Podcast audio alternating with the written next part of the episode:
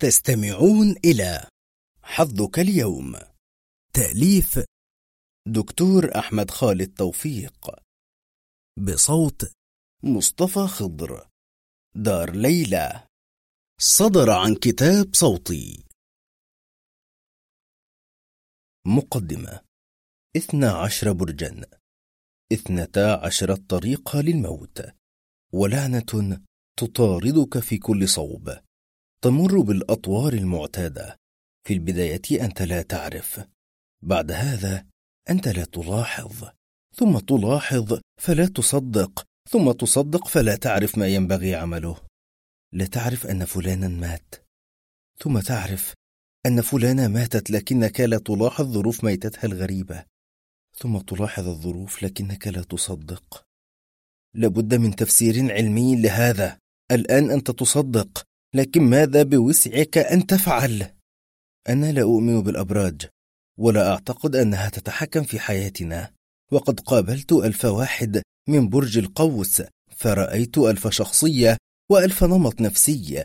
ولو كانت الأبراج صادقة لما كان البشر بهذا التعدد السخي ولما وجدت إلا اثنة عشر نمطا لمن حولك. الحياة ليست بهذه البساطة لكن هؤلاء المحررين الشباب اقتربوا جدا من الحقيقة وتسببوا بشكل ما في موت مشعوذ شرير هو عدنان الفلكي الذي تملأ إعلاناته الصحف ولا يتعامل إلا ببطاقات الائتمان.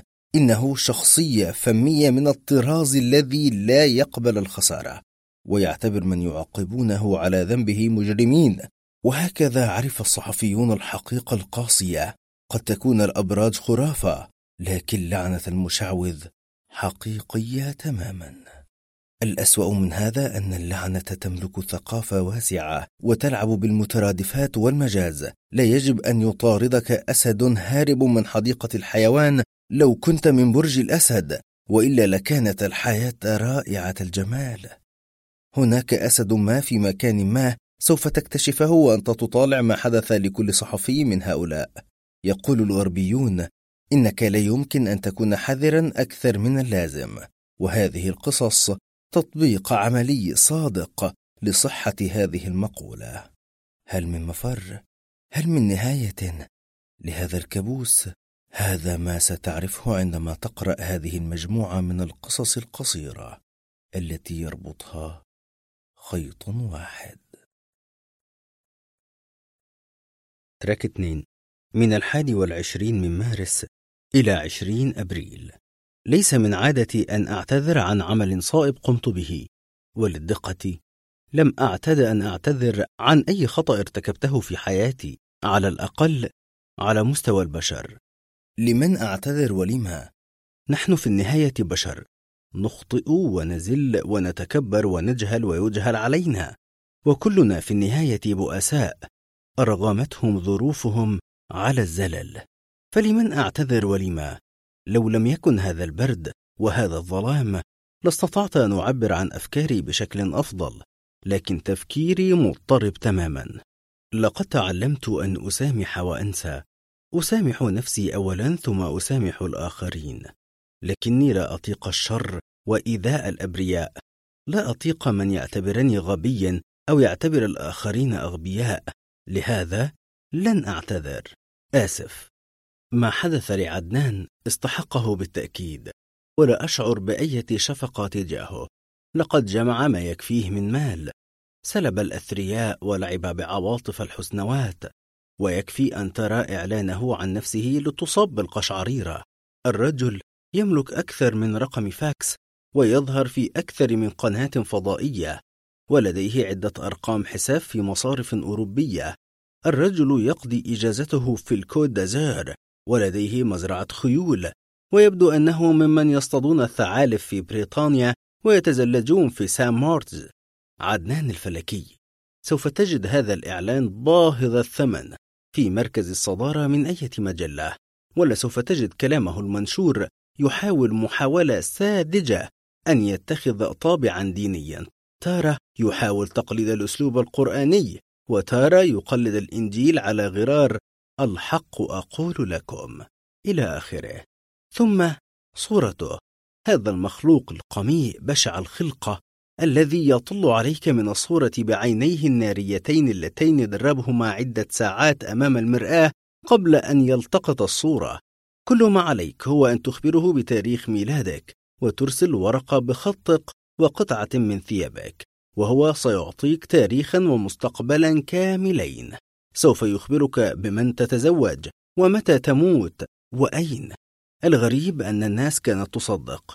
تصدق وتدفع ما شأنكم أيها الحمقى الرجل يوشك أن يعلق على صدره لافتة تقول أنا نصاب لكن الناس مولعة بأن تنخدع حقا.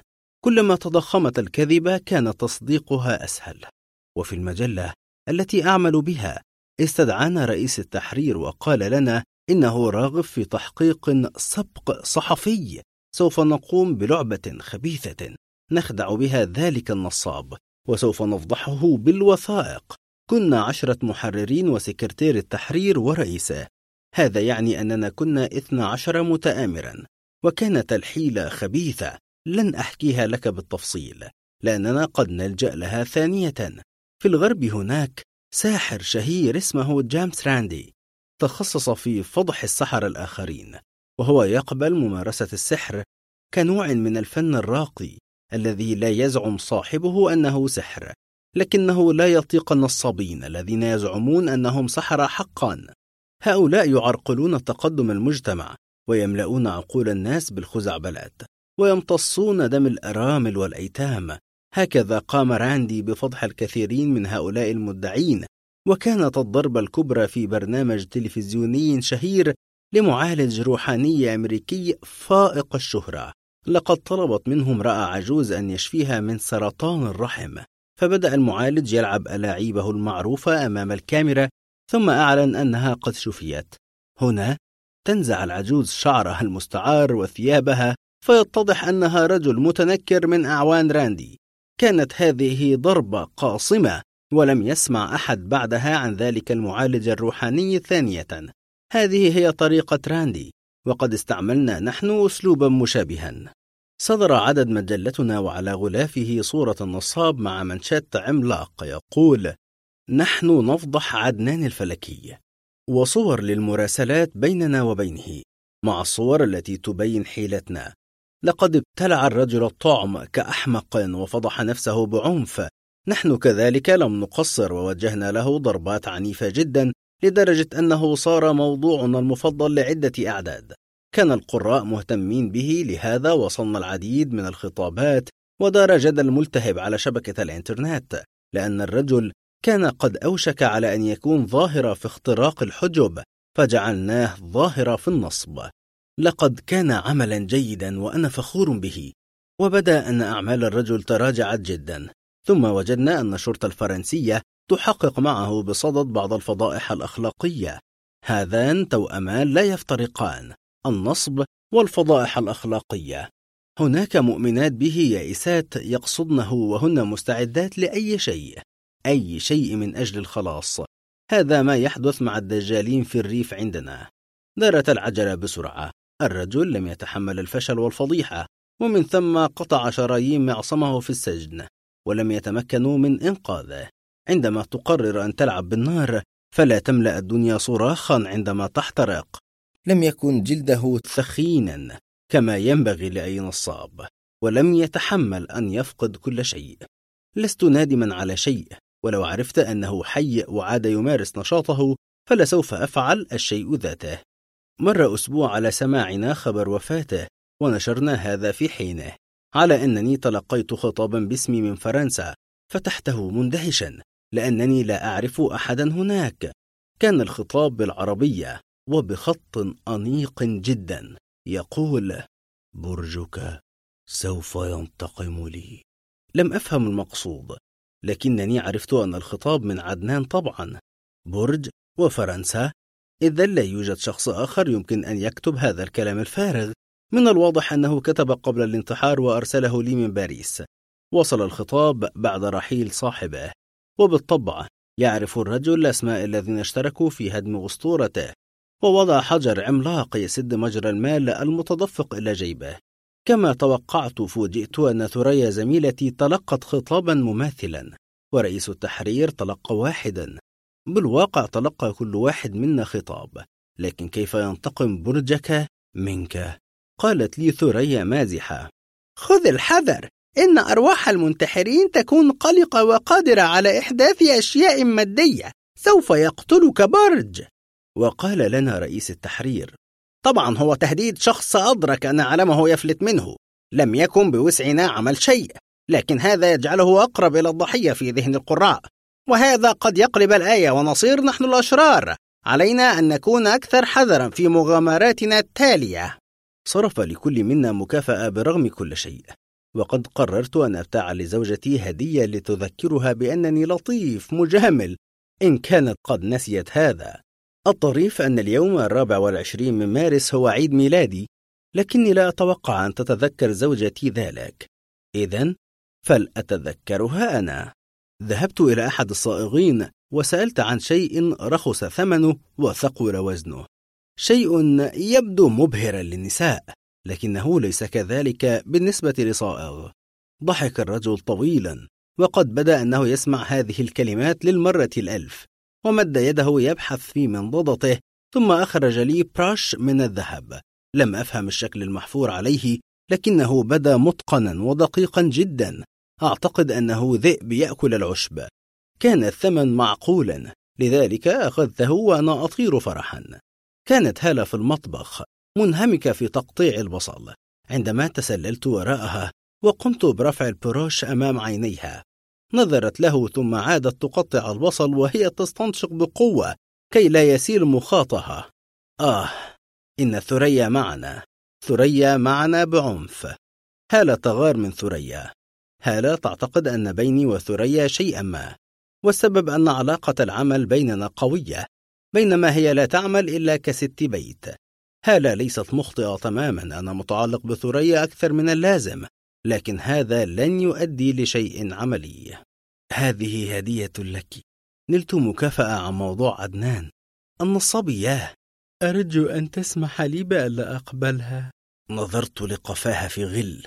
إنها تجد متعة جنونية في أن تشعر بالظلم والغبن وما تقوم به من تقطيع بصل هو نوع من الاستشهاد يشعرها بأنها أفضل بينما أنا مجرد خنزير. اعتصرت البروش بقبضتي فشعرت بشيء يخترق كفي. خرجت من المطبخ ودخلت الحمام. فتحت قبضتي فوجدتها تنزف دما. إن الدبوس الخاص بالبروش انفتح واخترق لحم كفي. لا بأس. قمت بتطهير الجرح بالسافلون. ثم اتجهت لباب الشقة ففتحته وقلت بصوت عال سوف أتناول الغداء في الخارج. ضربة قوية لها أن تعد الطعام عدة ساعات لتأكله وحدها. اتجهت إلى المقهى وطلبت فنجان قهوة وجلست أفكر. فجأة أشعر بأن حرارتي ترتفع. أريد أن أفرغ معدتي. أشعر بدوار. ماذا حدث لي؟ دقات قلبي تبطأ جدا. لكنها تزداد قوة فأسمعها تتردد في أذني. ما الذي؟ كان العرق البارد يغمر جبيني وأنا أسمع القهوجي يسألني من وراء الأبدية. هل أنت بخير يا أستاذ عصام؟ بخير بخير. وكان هذا آخر شيء قلته لأني أفقت في المستشفى بكامل ثيابي ما عدا الحذاء. هناك زجاجة محلول معلقة جواري. أشعر بوهن وتوعك شديدين. تنميل حاد يغمر نصف وجهي ونصف لساني ونصف جسدي كله. أرفع عيني فأرى هالة زوجتي. جالسة تنظر لي في قلق تتظاهر بالقلق. تقول لي لا تخف الأطباء يفتشون عن سبب التسمم. أي تسمم؟ تسمم الدم الذي حدث لك. يقولون إنك حقنت بشيء ما. حقنت؟ ثم تذكرت فمددت يدي إلى جيب السترة وبحثت. خرجت يدي بالبروش. هذا هو الشيء الوحيد الذي اخترق جلدي مؤخرا. ما الذي لوث الدبوس؟ دققت النظر في البروش أكثر بينما الوهن يجعل الصورة مزدوجة. هذا ليس ذئبا. الذئاب لا تأكل العشب. هذا النقش أقرب إلى حمل. حمل صغير يمد فمه ويلتهم بعض الأعشاب. اليوم الرابع والعشرين من مارس عيد ميلادي. وهذا يعني أنني من المحظوظين الذين ينتمون لبرج الحمل. برجك سوف يقتلك. هو قالها. فهل لهذا معنى ما؟ الصدفة لا تحدث بهذه البساطة. معنى هذا أن حملا سوف يقتلني أو قتلني بالفعل. ناولت البروش لزوجتي وطلبت منها أن تخبرني بما تراه فنظرت له للحظة وقالت هذا حمل يرعى العشب ثم أعادته لي في اشمئزاز لو إنني توفيت بسبب هذا الجرح فمن الواجب على الآخرين أن يعرفوا ربما كان هذا وهما وربما لم يكن. لكن لابد أن يأخذوا الحذر. قلت لزوجتي أن تناولني قلما وورقة. هل تنوي أن تكتب خطابا لثريا هانم؟ أنت تتكلمين بلساني؟ وجلست في الفراش أحاول أن أستعيد وعي وترابط أفكاري. خذوا الحذر يا رفاق. يبدو أن لتهديد النصاب نصيبا من الصحة. البروش كان يمثل حملا. وأنا حسبته ذئبا في البداية رباه إن وعيي يتسرب بسرعة كأنه الغاز من أنبوب مثقوب. هل هو الموت؟ لا لا أعتقد هذا لكن لعابي يجف الظلام ينتشر. يجب أن أكتب بسرعة. يجب. من الحادي والعشرين من يونيو إلى عشرين يوليو. اسمي ثريا. لا شك أنك تعرفني جيدا لو كنت من قراء مجلتنا. لقد كتبت عددا من التحقيقات الجريئة وشاركت في أكثر من برنامج تلفزيوني كضيفة وأحيانا خلف الكاميرا كمعدة. تسألني لماذا أنا حزينة؟ هناك سببان وأنت تعرف السبب الأول. لا أجرؤ على قولي إنني فقدت حبيبا لكنها الحقيقة. عصام كان يحبني ولم تعد جدوى من إنكار هذا. مشكلة المرأة أنها لا تقابل هؤلاء الرجال المناسبين إلا بعدما يكونون قد تزوجوا من امرأة غير مناسبة. وهم لا يجدون المرأة المناسبة إلا بعدما يكونون قد أنجبوا هنا تبرز المشكلة. زوجة ثانية. أم عشيقة؟ أم تنسى الأمر برمته. أنا لا أقبل أن أكون زوجة ثانية ولا عشيقة. بالطبع علاقتنا الدائمة في العمل لا تسمح لي بأن أنسى الأمر برمته. لهذا ظللت ألعب على الحبال كلها. لم أتخلى عنه ولم أقترب منه أكثر. لا شيء مثل الكفاح المشترك يقرب بين الذكر والأنثى ولا شك أنه لم ينسى ليلة من الليالي التي سهرنا فيها ندبج مقالا أو نعيد صياغة خبر ما أو ننتظر نتيجة انتخابات أو الحالة الصحية لمحتضر ثم ننزل إلى الشارع المظلم البارد الذي ينهمر فيه المطر. نمشي في صمت ونحن نشعر بأننا نذوب ونتحد بالكون ذاته. لابد من أن يوصلني لأن الشوارع خطرة في هذه الساعة. وعندما نفترق يفتح فمه. ليتكلم. فامد يدي لاضعها على فمه لاخرسها كل ما سيقوله سوف يزيد الأمور تعقيدا. نفرح معا ونحزن معا. ننتشي معا. نقلق معا.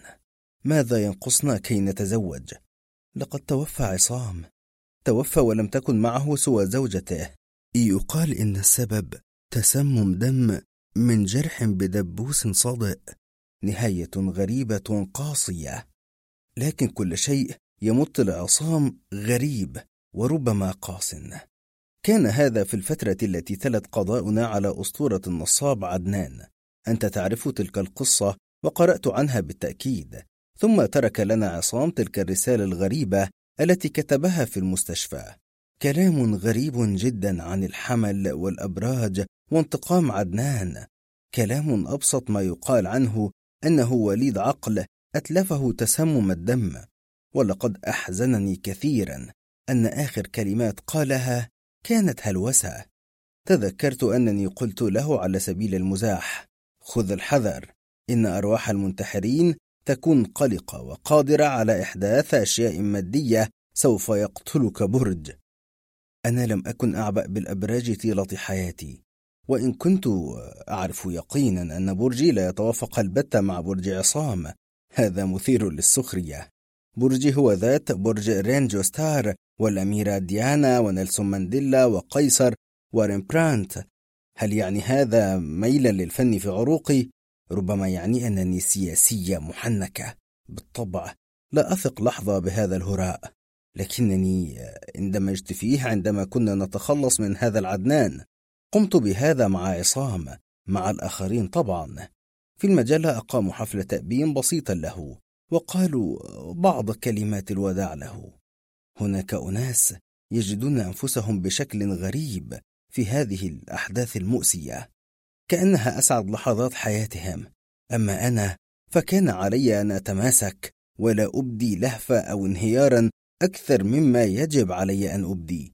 فقط أتذكر أن امرأة أخرى هي التي أغمضت عينيه وهي التي رافقته إلى القبر فقد دخلت دورة المياه. تأكدت من أن الباب مغلق ثم انفجرت في بكاء حار طال عدة دقائق. حتى أذبت كل ما على وجهي من مصاحيق وصرت أشبه الأراجوز. كان علي أن أنتظر بعض دقائق حتى أعيد كل شيء لموضعه وحتى أغلق ياقة الثوب جيدا حتى لا يلاحظوا شيئا. الآن أجلس في بيتي أفكر وأكتب هذه الكلمات. من الناحية الأسرية أنا مقيمة مع أمي بعد وفاة أبي. أمي مسنة. مصابة كالعادة بتلك الصفقة التي لا تأتي إلا جملة. ارتفاع الضغط البدانة السكر وهن القلب يقولون أنها مرشحة بقوة للرحيل. لكني لا أطيق أن أتصور ما قد يحدث بعدها. ليس لنا أقارب أو هم تخلوا عنا. فقط أمي العجوز هي مركز حياتي وهي القلب الذي أخرج منه وأعود إليه. لا تكف عن الكلام عن زواجي. وعن المهنة التي لن تجلب لي الخير أبدا. لكن أليست الأمهات جميعا يقولن الكلام ذاته؟ في الحقيقة بدأت أعتقد مؤخرا أنها هي التي ستفتقدني أولا. طبعا أمي لا تعرف أي شيء عن عصام ولو عرفت لجنت. كما أنها لا تعرف أنني أعتبر نفسي أرملة منذ عرفت الخبر. رئيس التحرير جمعنا وقال لنا سوف يمضي كل شيء. لن يشعر أي قارئ باختلاف حتى لو مت أنا شخصيا. ليس للواحد منا الحق سوى في حفل تأبين وبرواز في المجلة. هذا هو كل شيء. قاسية هي هذه الحياة. قاسية وغير عادلة. والأسوأ هو ما وجدته منذ أسبوعين وأنا أستحم وأكتب هذه الكلمات وأنا أرى شيئا يتحرك هنالك في الركن. صرصور؟ لا أظن. إنه أكبر من ذلك. فأر؟ لا. الأنثى التي لا تشعر بالفأر فتصرخ وتثب على مقعدها لا تستحق لقب أنثى. إذا هو؟ نهضت في حذر. وزحفت على ركبتي إلى أن دنوت منه. كان يتوارى بسرعة تحت الأريكة لكنني تمكنت من رؤية الزبان المرفوع في الهواء ثم اختفى في الظلام تماما. عقرب. عقرب في غرفة نومي؟ إن وجود العقارب هنا ليس مستحيلا لأننا على حافة الصحراء ولنا جارة مرت بموقف مماثل. لكن هذا لم يحدث قط معي أنا. لو أيقظت أمي لملأت الدنيا صراخا وأصيبت بنوبة سكر. إذا ليس من أحد أستعين به سواي للقضاء على هذه الكارثة. بحثت عن خف صلب ورحت أفتش تحت المقعد. أزحته تماما لكنني لم أجد العقرب تحته. هذا يعقد الأمور لأنني لن أنام وهذا الشيء في غرفتي. عدت إلى مكتبي ورفعت قدمي إلى المقعد. بينما عيناي لا تفارقان أركان الغرفة. هو في موضع ما هنا. على الأقل هو لن يخرج من الغرفة. عقرب! لماذا عقرب؟ لماذا الآن بالذات؟ حياة كئيبة قاسية. تلك التي أحياها هنا مع أمي. لا أعرف كيف ولا متى نخرج منها. والسيناريو الوحيد الممكن هو أن أتزوج وآتي برجل ابن حلال يعيش معنا. لكن هناك مشكلة. عصام كنت أرى رجلا واحدا في الكون وهذا الرجل قد مات بتسمم دم. أشعر بأنه قد فر مني بشكل ما. السيناريو الآخر هو أن أموت وهي فكرة لم تعد مستبعدة. ربما أنجح في عالم الصحافة. أعرف هذا يقينا. هناك أناس كثيرون يحفظون اسمي ويبحثون عن مقالاتي لكن ما هو أعلى مدى يمكن أن أبلغه هناك سقف وهذا السقف بعيدا جدا عن السقف الأعلى الذي يكفو لي السعادة ما هذا؟ هل تراه؟ لقد تحرك شيء هناك جريت من جديد كالملسوعة إلى ركن الغرفة المجاور للشرفة لكني لم أرى شيئا عندما تبحث عن عقرب فكل شيء في الغرفة يتحرك كعقرب هذه قاعدة.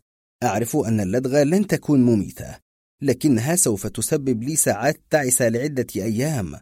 فقط الأطفال يموتون بلدغات العقارب. أما فتاة ناضجة كبيرة مثلي فسوف عصام كان من برج الحمل وقد أنذره عدنان بأن برجه سينتقم له. ما معنى هذا؟ زوجة عصام تكلمت عن بروش يشبه الحمل أو الذئب كان في يد عصام. وقد حاول أن يهديه لها لكنها رفضته هذا ما قالته لصديق مشترك. عصام كان يحمل البروش معه في المستشفى. ربما كان آخر شيء رأته عيناه. يمكن بشيء من الخيال أن نتصور أن هذا الحمل هو من قتل عصام. قتله برجه. المذكرة المرتبكة التي تركها لنا تقول هذا لكن هذا هو السخف بعينه. لا يجب أن أنجرف وراء هذه الأوهام. أنت فتاة عاقلة. ولو كنت أقل عقلا لقبلت أن تكوني زوجة ثانية. أرى شيئا يتحرك هناك في الركن قرب رجل الفراش. أنا متأكدة هذه المرة من أنه هو. لكن لا يجب أن أمشي حافية القدمين في هذه الغرفة. ربما أدوس ذلك الشيء وعندها إن حذائي قريب من المكتب على كل حال. أمسكت بالمسطرة. وانحنيت على مسند المقعد. وبصعوبة رحت أقرب الحذاء مني أقربه. سوف أدس قدمي فيه ثم أعاود حملة التفتيش.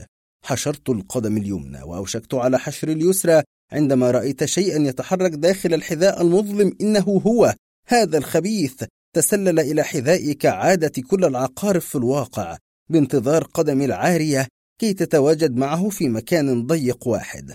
وأنا كنت سألبس هذا الحذاء على سبيل الوقاية ألقيت الحذاء على الأرض في هستيريا فرأيته يهرع فارا منه. كانت هذه هي اللحظة المناسبة فلا وقت للذعر الأنثوي. أمسكت بالفردة وهويت بها عليه وهو بلوتش. أكره هذا الصوت البشع. لحسن الحظ أنه لا يتلوى كالسحالي أو الأفاعي لقد انتهى أمره في لحظة. في تقزز بحثت عن ورقة. ألقيت بالجثة فيها وخرجت إلى الشرفة لأطوح بهذا الشيء خارجها. لم يستحق الموت لكنني لم أستحقه كذلك. فكلانا كان نحسا على الآخر فقط أنا لم أتسلل إلى حجرته ليلا. أقرب في هذا الوقت. لماذا؟ لكن الهدوء قد ساد على كل حال ويمكنني أن أفكر فيما حل بجسدي. تقهقرت إلى الغرفة ووقفت أمام المرآة. ببطء فتحت أزرار منامتي وكشفت عن جذور عنقي ورحت أتأمل ذلك الانتفاخ. الانتفاخ الذي وجدته منذ أسبوعين وقال لي الأطباء إنه عقد لمفاوية صلبة. قالوا لي أنها مريبة الشكل وأنها توحي بمرض خبيث. لكن لابد من أخذ عينة وبسرعة. سألتهم في حيرة هل هو السرطان؟ هزوا رؤوسهم أولا ثم قالوا لا نعرف. لن نعطي رأيا قبل أخذ العينة. طبعا لم أفعل ذلك حتى هذه اللحظة. أنا أكره الأبراج وكل هذا الهراء. لكن لو تذكرنا أنني من برج السرطان فهل يمكن أن يكون برجي قد انتقم مني فعلا وتكون هذه العقد هي بداية نهايتي؟ عندها يكون عدنان قد صدق مرتين. وأنت؟ هل حسبت أن العقرب سيقتلني لأنني من برج العقرب؟ لا تكن أحمق. أنا مولودة يوم الثاني عشر من يوليو. فما دخل العقرب في الموضوع أنا من برج السرطان؟ برج رينجو ستار والأميرة ديانا ونيلسون مانديلا وقيصر وريمبرانت لو اتضح أن هذه العقد الليمفاوية سرطانية ولو أنها قتلتني كما رأيت في عيون الأطباء فإن بوسعك القول أن عدنان أحرز هدفين أكيدين. لكني كما قلت لك لا أصدق هذا الهراء. من عشرين يناير إلى الثامن عشر من فبراير. عندما يصير القمر في المنزلة السابعة وعندما يتوازى المشترى مع المريخ عندها سيهدي السلام الكواكب ويبحر الحب بالنجوم. سألني منير عن سبب شرودي. قالها على الطريقة الإنجليزية. بنسان من أجل أفكارك. فرددت ساهمة. اتصلت بي ثريا إنها مصابة بالسرطان فعلا. يبدو أن الوقت تأخر على إجراء جراحة. ونظرت إلى جهاز المحمول ساهمة. يحب منير أن يكون بالفانيلا الداخلية مع الشورت وهو على ظهر اليخت الخاص به. لا أذكر أنني رأيته بثيابه الكاملة إلا نادرا. فإن رأيته بثيابه الكاملة فهو حافي القدمين غالبا. دعك من أنه يخفي عينيه خلف نظارة سوداء لا ينزعها إلا عندما يقرر استعمال عينيه. وأنت تعرف متى يستعمل عينيه طبعا. عاد يسألني هذا محزن. إنها صديقتك طبعا. زميلتي في الجريدة. هي بين الصديقة والأخت. لم يدرك ما أنا صادق في هذا. هي حشرية. تحملك أعباء لا نهاية لها. كالصديقة. وهي مزعجة. لا يمكن التخلص منها كالأخت. لم أكن أحب الثريا. لكني ليس إلى حد أنا أتمنى لها أن تموت بالسرطان طبعا. رحت أنظر إلى الماء الأزرق الذي يتطاير أمام مقدمة اليخت. سكين لها شكل المكواة تشق الماء إلى نصفين. ترتفع المقدمة لعنان السماء حتى أشعر بأنني أطير. فرويد تكلم عن حلم الطيران وقال إنه يرمز للاتصال الحميم. هذا رجل عبقري. أنا أشعر بأنني بلا مقاومة على الإطلاق ولكني أتماسك. من الصعب ألا تفقد الفتاة وعيها إذا كانت فقيرة مثلي عندما يهيم بها شاب مثل منير. لا لن أقول يهيم بها.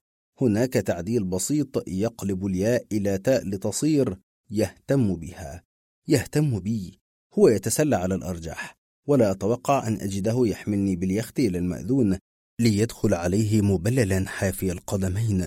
يطلب أن يزوجني له. لا. لست بهذه السذاجة. هو يتسلى قليلا وأنا كذلك أتسلى. منير رجل أعمال مثل أبيه. عرفته عندما أجريت لقاء صحفيا مع أبيه وعرفت أنه يمارس عملا لا أعرف ما هو بالضبط لكنه يجلب مليونا بعدة مكالمات هاتفية. هناك مضاربات وبيع أسهم وأراض يبتاعها فيرتفع ثمنها بعد دقائق. ليس هذا كله مشروعا. الكسب المشروع كالحقيقة مخيب للأمال وبطيء جدا. بينما المال الحرام كالخيال يأتي بسرعة البرق ويأتي بسخاء. منير يدخل الغرفة منير يحييني منير ينزع نظارته السوداء. جزء عار من وجهه بين حاجبيه الكثين ولحيته الكثيفة.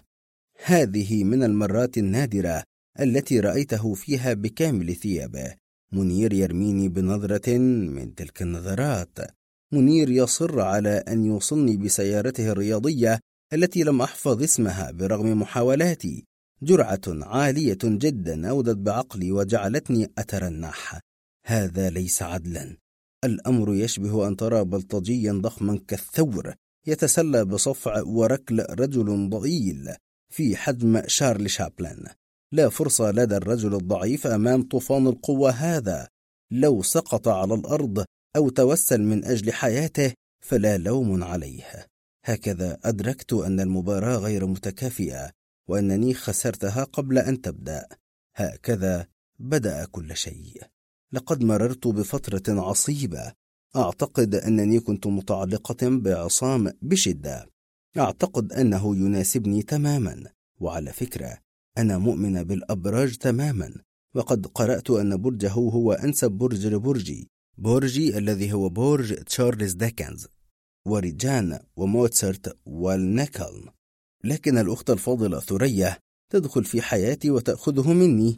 السرطان لا ينسجم مع الحمل أبدا مهما حاولت لكنهما لا يؤمنان بالأبراج على كل حال. عصام متزوج لكن من الواضح أنه متعلق بثريا. لا شك في هذا. هذا لا يمكن فهمه. لو أنني كنت قبيحة كالشيطان أو غبية كالصخرة لفهمت لكن لا يوجد منطق لهذا على الإطلاق. هكذا بدأت علاقات كثيرة على سبيل الانتقام. ثم دارت الدورة وجرت مياه كثيرة تحت الجسور. عصام مات بتسمم دموي لا يفهم أحد سببه. وثريا هانم مصابة بالسرطان. يبدو أنني أكرر فيلم أمير الانتقام بشكل ما. كل من آذاني أو ضايقني يدفع الثمن. سوف أتجاهل هذا كله وأنعم بهذه اللحظات مع الثري الأمثل حافي القدمين منير. هو دعاني إلى هذه النزهة في اليخت الخاص به وقد قبلت. ليست هذه المرة الأولى. لقد قمنا بجولة مماثلة من قبل في البحر الأحمر. يأتي بالطعام وعشرات من علب البيرة في ثلاجة صغيرة. كل ما يلزم لصيد السمك يضع كل هذا في اليخت. معه بحار شاب صغير لا يتكلم تقريبا. هنا يستعيد منير حيويته وعنصر الطبيعي تشعر أنه كائن ينتمي للبحر وولد فيه وهنا هو يولد من جديد إذ تنشق الأمواج لتستقبله. البحر الأزرق اللانهائي الأمواج هل هذه نوارس؟ إنه يقف وراء عجلة القيادة ويترنم بصوت رخيم عال بأغنية إنجليزية. عندما يصير القمر في المنزلة السابعة وعندما يتوازى المشترى مع المريخ عندها سيهدي السلام الكواكب ويبحر الحب بالنجوم. سألته في استمتاع عن مصدر هذه الأغنية. هي أغنية من مسرحية هير قديمة جدا لكن كل من كان في شبابه في السبعينات يعرفها عندما يتوازى المشترى مع المريخ يحجب ضوءه الأحمر. المريخ هو كوكب الحرب مارس. لذا فإن اختفاء وجهه يعني السلام. جميلة جدا. برغم أن عشر سنوات كانت تفصلني عن المجيء للعالم وقتها يدور باليخت بين بعض الشعاب المرجانية. هو يضحك. من جديد يدق الهاتف. الشبكة سيئة جدا لكني قادرة على تلقي بضع كلمات. مي. أين أنت؟ هذا مدير تحريرنا الهمام. أنا لست في القاهرة يا سيدي لكني كذلك لست في البحر الأحمر أتسلى وأمتحن الأقدار مع شاب ثري وسيم. أنا في الزقازيق عند أسرتي. هذا الصوت. إن الشبكة سيئة هنا يا سيدي. نعم. تحت أمرك. قصة عدنان الذي فضحناه هذا وعد بالانتقام كما تعرفين قبل أن ينتحر. هل وصلك خطابا منه؟ قلت في ملل. برجك سوف ينتقم لي. لقد أرسل هذه الصيغة للجميع كلام غير مفهوم. نعم نعم. ضجيج إلكتروني لم أسمع. محض هراء وهو انتحر لأننا برهنا للناس على أنه كذاب. لكن يجب ألا ننسى أن لدينا من مات بسببه. حلية تشبه الحمل وهو من برج الحمل. لم أسمع. هناك فتاة من برج السرطان توشك على الموت بالسرطان. اثنان من فريقنا هلك في ظروف مريبة بحق. لقد طلبت من الجميع أن يكونوا حذرين. هذا سخف بالطبع لكنني قلق والقلق يسمح لي بأن أكون سخيفا بعض الشيء. قلت في شيء من الخبث. أنا مولودة في الرابع من فبراير. لقد مر عيد ميلادي فعلا منذ شهر أو أكثر. هل تعرف معنى هذا؟ منير يمد يده ليريحها على كتفي ثم يداعب بعض خصلات شعري. أثني عنقي لا أتخلص منه كي يتمكن من سماع المكالمة يقول المدير لا أعرف لا أذكر تواريخ هذه الأبراج معناها أنني من برج الدلو كيف تتوقع لبرج أن يقتلني؟ هل سيسقط دلو فوق رأسي وأنا أمشي في الشارع؟ هل سيقوم لص بإغراق رأسي في دلو؟ في الحقيقة لا أعتقد أن هذا الخطر ينطبق علي هناك تلاشى صوته تماما وصار الاتصال مستحيلا أغلقت الهاتف هنا وجدت أن منير ينظر في دهشة ثم هتف. هل أنت من برج الدلو؟ نعم وأكون سعيدة لو لم آه، تقل دعابة سخيفة ما. لسبب ما يعتقد الناس أن الدلو شيء مضحك جدا. عرفت من هم من برج الثور. وبرغم هذا لم يتلقوا هذا القدر من السخرية قال في جدية مصادفة غريبة. لو كنت أعرف ربما زعمت أن هذا اليخت هنا ارتجت الأرض وارتفع اليخت للسماء للحظة. كان ارتطاما قويا بحق. وسقطت على الأرض متدحرجة بينما سقط منير فوقي. لقد ضربنا إحدى هذه الصخور المكونة من الشعاب المرجانية. ضربناها بقوة عاتية. ومن الواضح أن ما حدث لليخت مروع. الآن صار وضعنا مثيرا للشفقة الطائر البحري الرشيق يسبح كالجثة فوق مياه البحر وهو موشك على الغوص. أنفي ينزف وركبة منير ليست على ما يرام. البحار الشاب يبدو أنه كسر ساقه. قال منير وهو يخرج جهاز الهاتف. أعتقد أننا نغرق. وهذا الشيء اللعين كالجثة الهامدة. هل جربت جهازك؟ لكنني كنت أعرف النتيجة. المحمول لا يعمل أبدا عندما تتوقف حياتك عليه. هل تعرفين السباحة؟ لا. تعاون هو والبحار الشاب على نفخ قارب نجاة صغير وألقياه في الماء ثم دعاني إلى النزول فيه معهما. في الوقت ذاته كان اليخت ينحدر أكثر لم يبقى إلا ثلثه فوق سطح الموج. سألته وأنا أجلس في القارب الصغير المتأرجح هل من خطط؟ لا شيء. أعتقد أنهم سيفتقدوننا وربما يخرجون للبحث عنا. أبي سوف يتصرف. ثم أردف في شيء من السخرية. الغريب أنني اعتقدت للحظة أن ركوبك فال حسن. ما دمت هكذا اليخت من برج الدلو وما العلاقة؟ على اليخت الغارق كنت ألمح الشعار والاسم الأجنبي أكواريوس. فقال منير باسما أكواريوس هو برج الدلو. ألم تسمعيني أغني أغنية برج الدلو منذ دقائق أنا أتفائل بها؟ هنا شعرت برجفة. أعتقد أن الغرق وارد أو مؤكد. لو غرقت الآن وبسبب هذه الحادثة فمعنى هذا أن من قتلني هو هو برج الدلو ويكون كلام عدنان. لا هذا هراء. صحيح أن ثلاث ساعات قد مرت. صحيح أن الظلام يقترب. صحيح أن السماء تتلون بالأزرق الداكن بسرعة مخيفة. صحيح أن الموج يعلو. صحيح أننا محاطون بالشعاب المرجانية. صحيح أنني أرتجف لكن ما زال الغرق بعيدا جدا جدا. وفي الضوء الواهن سمعت منير يدندن محاولا أن ينسى مخاوفه. عندما يصير القمر في المنزلة السابعة وعندما يتوازى المشترى مع المريخ عندها سيهدي السلام الكواكب ويبحر الحب بالنجوم. وسيكون هذا هو فجر برج الدلو برج الدلو برج الدلو. من الحادي والعشرين من أبريل إلى العشرين من مايو. نعم نحن نفتقد مي ربما بعد قليل نفتقد ثريا كذلك. مدير التحرير نادانا إلى غرفته الضيقة الحارة. صحيح أن الشتاء لم ينتهي لكن غرفته دائما كالفرن. قال لنا إن مي قد غرقت في البحر. كانت مع أحد رجال الأعمال الشباب. هو نجا طبعا لأن رجال الأعمال لا يموتون أبدا. لو سقطت علينا قنبلة هيدروجينية فسوف تنجو حويصلات بكتيريا التيتانوس ورجال الأعمال. أصابنا هذا بالذهول. لم نعرف أن مي ذات مغامرات كما لم نعرف أنها بارعة إلى هذا الحد. رجل أعمال من أين جاءت به؟ يخت في البحر الأحمر؟ يا لها من شيطانة صغيرة. الأغرب هو أنها قبل وفاتها بساعات زعمت لمدير التحرير أنها تكلمه من الزقازيق.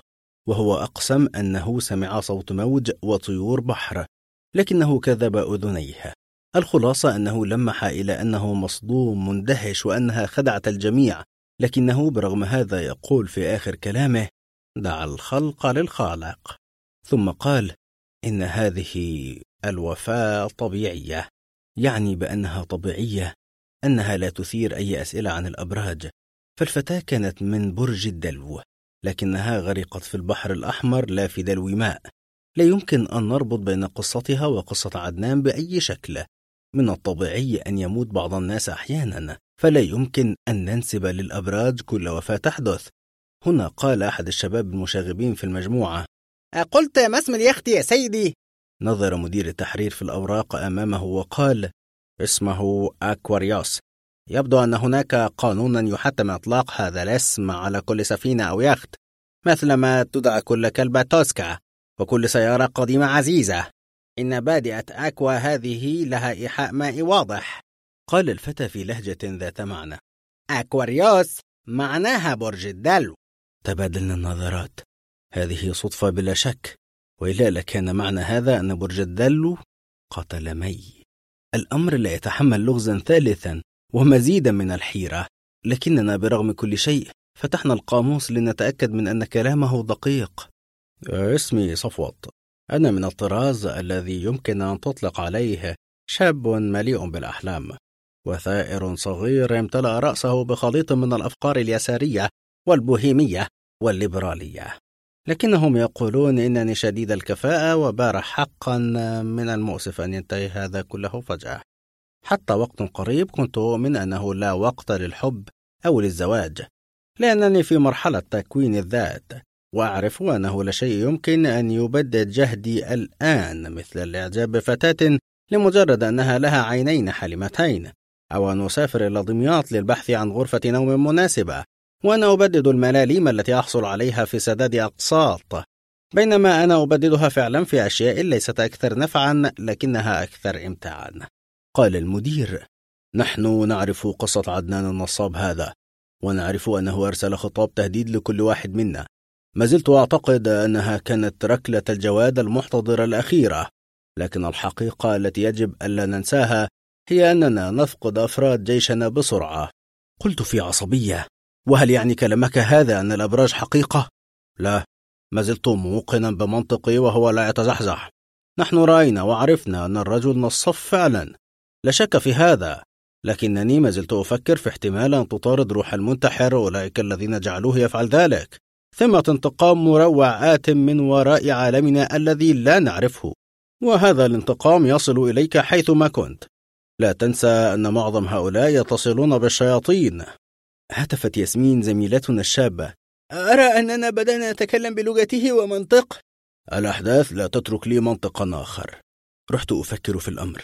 لو صحت هذه النبوءة فأنا سوف ألقى نهايتي على يد ثور.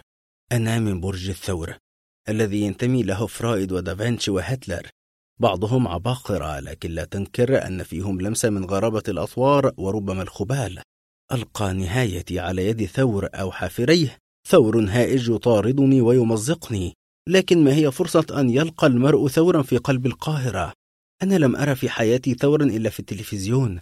هناك تلك المهرجانات البرتغالية التي يركض فيها الثور حرا في الشارع ويطأ الناس لكن لو فعلوها في مصر لقتلت الميكروباصات الثيران بعد ثلاث دقائق. لا تنسى أن المجازات تلعب دورا هنا. ربما سيارة عليها رسم كبير للثور أو رجل ضخم كالثور. ربما قلادة عليها ثور لكن من رأى قلادة عليها ثور هناك بطل قصص مصور اسمه ثور. وهناك رحالة نرويجي اسمه ثور هايردل لكن الفرصة شبه معدومة أن يقرر النزول إلى مصر وأقابله وأستفزه لدرجة أن يقتلني. لا أنا لست من زبائن هذه القصة ولن أموت بهذه الطريقة السخيفة سأموت بطريقة أخرى تماما. قالت لي ياسمين باسمة خذ الحذر من أي ثور تقابله. قلت في مرارة وأنت خذ الحذر من أية عذراء هي نفسها عذراء. ولا أدري كيف يمكنها أن تتفادى أي عذراء أخرى. يحتاج هذا الذي يطاردنا إلى قدر هائل من الخيال كي يدبر لنا ميتات مناسبة. الشقة التي أسكن فيها شقة مفروشة في الزيتون. أتقاسمها مع ثلاثة آخرين ليسوا من أصدقائي ولا من عالمي. لكننا نتحمل بعضنا ومن حسن الحظ أنه لا يتواجد سوى واحد مننا على الأرجح في أي وقت. هناك طالب وهناك موظف وهناك مهندس كمبيوتر. كلنا من الأقاليم وعلاقتنا سطحية جدا لا تتجاوز تحية الصباح والمساء. أحيانا يحضر أحدنا من البلد بعض المأكولات فيدعو الآخرين إلى الطعام معه. طبعا هناك مكتبتان هائلتان إحداهما مليئة بالكتب الدينية التي كتب على غلافها بخط مذهب وهي تخص الموظف. بينما مكتبتي أنا تضم مؤلفات لساراماخو وإبراهيم أصلان وأمل دنقل وصلاح جاهين وبعض الكتب السياسية. نتبادل الكتب لكن من الواضح أن كتبي لا تروق له كثيرا. إنه يقرأها كي يصدم وكي يكتشف أنه يقرأ الكتب الصحيحة.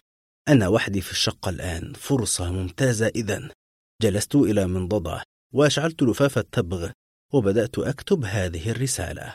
ما لا يعرفه الناس. ما لا يعرفه الجميع هو أنني كنت أحب مي وكانت تزعم أنها تحبني.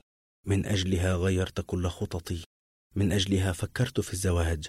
أن أقنع أبي ببيع قطعة الأرض الصغيرة التي نملكها كي أؤثث بيتا صغيرا. من أجل مي تصالحت مع العالم لكنها رحلت. وليتها رحلت في ظروف تترك لي ذكرى حزينة رقيقة دامعة عنها لكنها رحلت. معلنة بوضوح أنها كانت تخدعني. رحيلها نوع من صيحة عليك واحد التي كنا نقولها لبعض ونحن أطفال. يوم رحيلها طلبتها عدة مرات حتى أفنيت رصيد الهاتف. وفي كل مرة تتكلم على أنها في بلدها مع أفراد أسرتها. الآن فقط أرى حياتي فأدرك أنها صحراء قاحلة. هل حسبت يا أحمق أنك ستصير يوما هيكل أو مصطفى أمين؟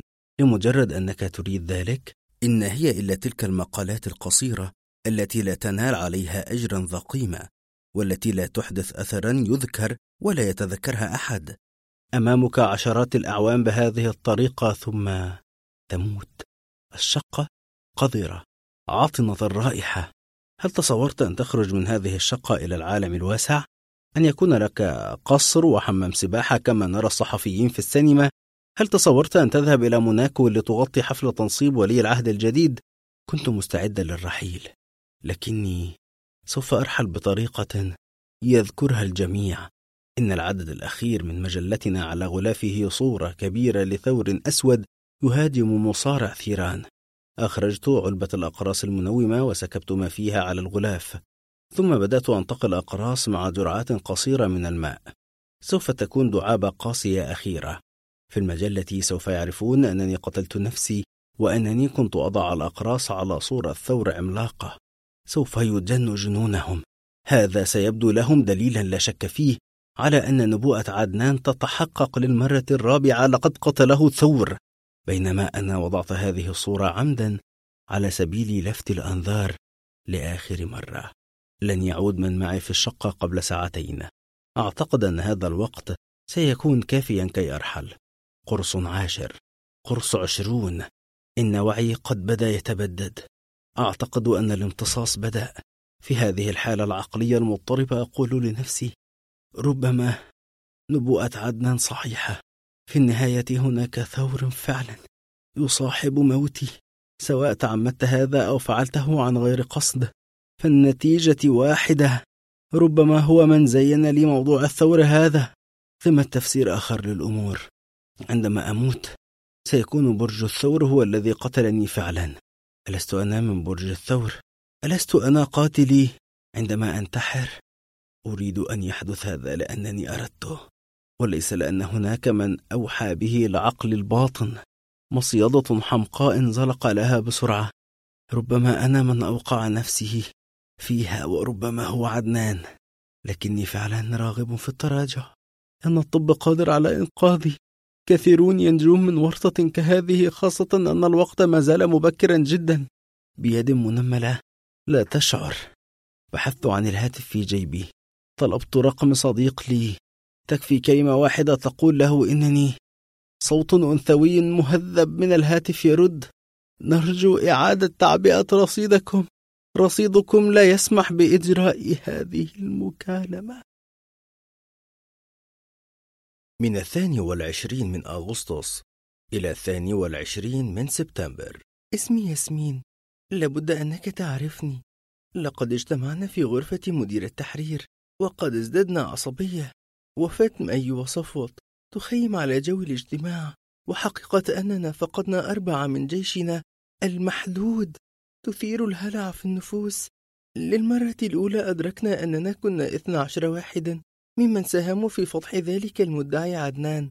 هناك أربعة هلكوا في ظروف غريبة. بقى ثمانية منا. قال أحد الفتية مي لا علاقة لوفاتها ببرج الدلو. هي علاقة مفتعلة بعيدة. لربما قال أحدكم كذلك إنه كان هناك دلو على ظهر اليخت الغارق. قال مدير التحرير في صرامة وهو يشعل لفافة تبغ اليخت اسمه أكواريوس من بين الأسماء كلها.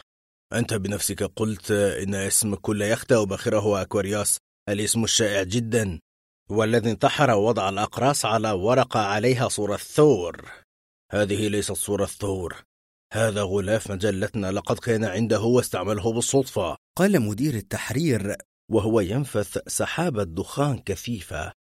نحن ننسى ثريا التي تحتضر في المستشفى الآن. ننسى وفاة عصام. إن الأمر واضح جدا وحتى العميان يمكنهم أن يروه. ثم تصفح بعض الأوراق أمامه وقال حتى القراء لاحظوه. هذه خطابات عديدة تتساءل. منذ أسبوعين والمجلة لا تخلو من أخبار قتلانا. لو استمررنا بهذا المعدل لهلكنا خلال أسبوعين آخرين. قلت أنا ضاحكة بل ستة أسابيع بقى منها أربعة. هذه معادلة رياضية بسيطة. قال في غيظ أنت رائقة البال يا ياسمين. أنا لا أمزح. لقد حكيت القصة لرجال الشرطة فضحكوا كثيرا جدا. لم يصدق أحد حرفا. طبعا لن يصدقوا. وسط كل هذه المشاكل على كاهلهم. قصة رعب لطيفة عن أبراج تقتل الناس. ثم جمع أوراقه وقال أنا من مواليد برج القوس. لا أعتقد أن الفرصة متاحة كي أموت بقوس. لكني أطالبكم بالحذر. يمكن بسهولة تخيل كيف يمكن أن يموت برج العقرب أو الأسد. قالت مروة في فخر. أنا من برج الأسد. طبعا لا أنصحك بالذهاب إلى السيرك أو حديقة الحيوان إلى أن نفهم ما نحن فيه والآن تفرقوا. نهضنا جميعا وخطرت لي فكرة لم نلحظها من قبل. من العجيب أن أبراجنا تختلف. فعلا نحن نمثل الأبراج جميعا فلا يتكرر برجان. هذا يعطي إمكانات ممتازة. أنا من البرج الذي ينتمي له عالم الفسيولوجي الأشهر بافلوف والأديب تولستوي وصوفيا لورين والأسوأ أنه برج مايكل جاكسون. أنا أنتمي لبرج العذراء لكن كيف يمكن لعذراء أن تقتلني؟ أنا من برج العذراء وأنا كذلك عذراء. ربما أنتحر كما فعل صفوت وبذلك أكون قد هلكت على يد عذراء. لكن لا نية لي في هذا العمل الأخرق. ربما على سبيل تحدي عدنان هذا لا أكثر. أنا عذراء. هذا خبر طيب للمحافظين ودعاة الفضيلة. لكنه ليس خبرا طيبا لفتاة على حافة الثلاثين مثلي. لا أعرف السبب في أن أحدا لم يطلب يدي بعد. لا يجرؤ أحد على قول أنني قبيحة. لا أجرؤ على قول ذلك. لكنها الحقيقة التي تطالعني في المرآة دوما. لست مسخا مثل ميداسا لكني كذلك لست بالضبط نسخة من حلشيحة. لكن القبيحات يتزوجن على كل حال. ليست هذه هي المشكلة. ربما هو الفقر. لا أدري. إن الجورب الممزق يكفي لتطير أي عريس محتمل. لكن أمي تؤكد أن السبب هو لساني السليط وحدة طبعي وحرصي على عمل مشاكل حيثما ذهبت. يقولون إن هذا التأخير طبيعي لأن سن الزواج للفتاة القاهرية صار 35 سنة. جميل جدا هذا الكلام بالمتوسطات. لكنه يذكرني بخبير الإحصاء الذي يضع قدمه في وعاء به ماء مثلج وقدمه الأخرى في وعاء به ماء مغل ويقول أن متوسط الحرارة معتدل. لماذا يجب أن أكون أنا عند طرف منحنى الجرس؟ لماذا لا أرى من حولي واحدة تجاوزت السابعة والعشرين ولم تخطب أو تتزوج؟ مهما عم البلاء تبقى حقيقة أنه يصيبك أنت هي الأكثر مرارة. أنا أسكن في شبرا. أصعد في درج بيتنا منهكة تعيسة. هنا تستوقفني جارتنا المسيحية إيرني. إنها من سني وهي تريد أن تريني شيئا في الشقة. لابد أنني أعرف ما هو لأنني صحفية والصحفيات يعرفن كل شيء. كما تقول إنها مذعورة قلقة. أدخل شقتها المليئة بأيقونات العذراء وصور المسيح. تركع على ركبتيها جوار خزانة زجاجية صغيرة لتفحص شيئا على الأرض وتطلب مني أن أفعل مثلها. هنا أرفع رأسي لأعلى. تمثال السيدة العذراء البرونزي موضوع فوق الخزانة فوق رأسي بالضبط. يمكنني تخيل ما سيحدث. سوف أنحني عندها يسقط التمثال ليهشم رأسي طخ وسوف يجتمعون غدا في المجلة لمناقشة هذا اللغز. تمثال العذراء قتل ياسمين. فهل هي مصادفة؟ لا يا إيرني. لن أنحني. قولي لي ما هنالك. تمد يدها وتضع تلك الشرنقة الصغيرة على راحتي. هذه الشرنقة. هناك عشرات منها تحت الخزانة. ثمة دودة غامضة كونت هذه الشرانق. وقد وجدتها اليوم فقط. هل عندك فكرة؟ أتأمل الشرنقة وأنا واقفة. إنها تهتز ويبدو أن كائنا يحاول يثقبها ليخرج. فما هو؟ لحظة.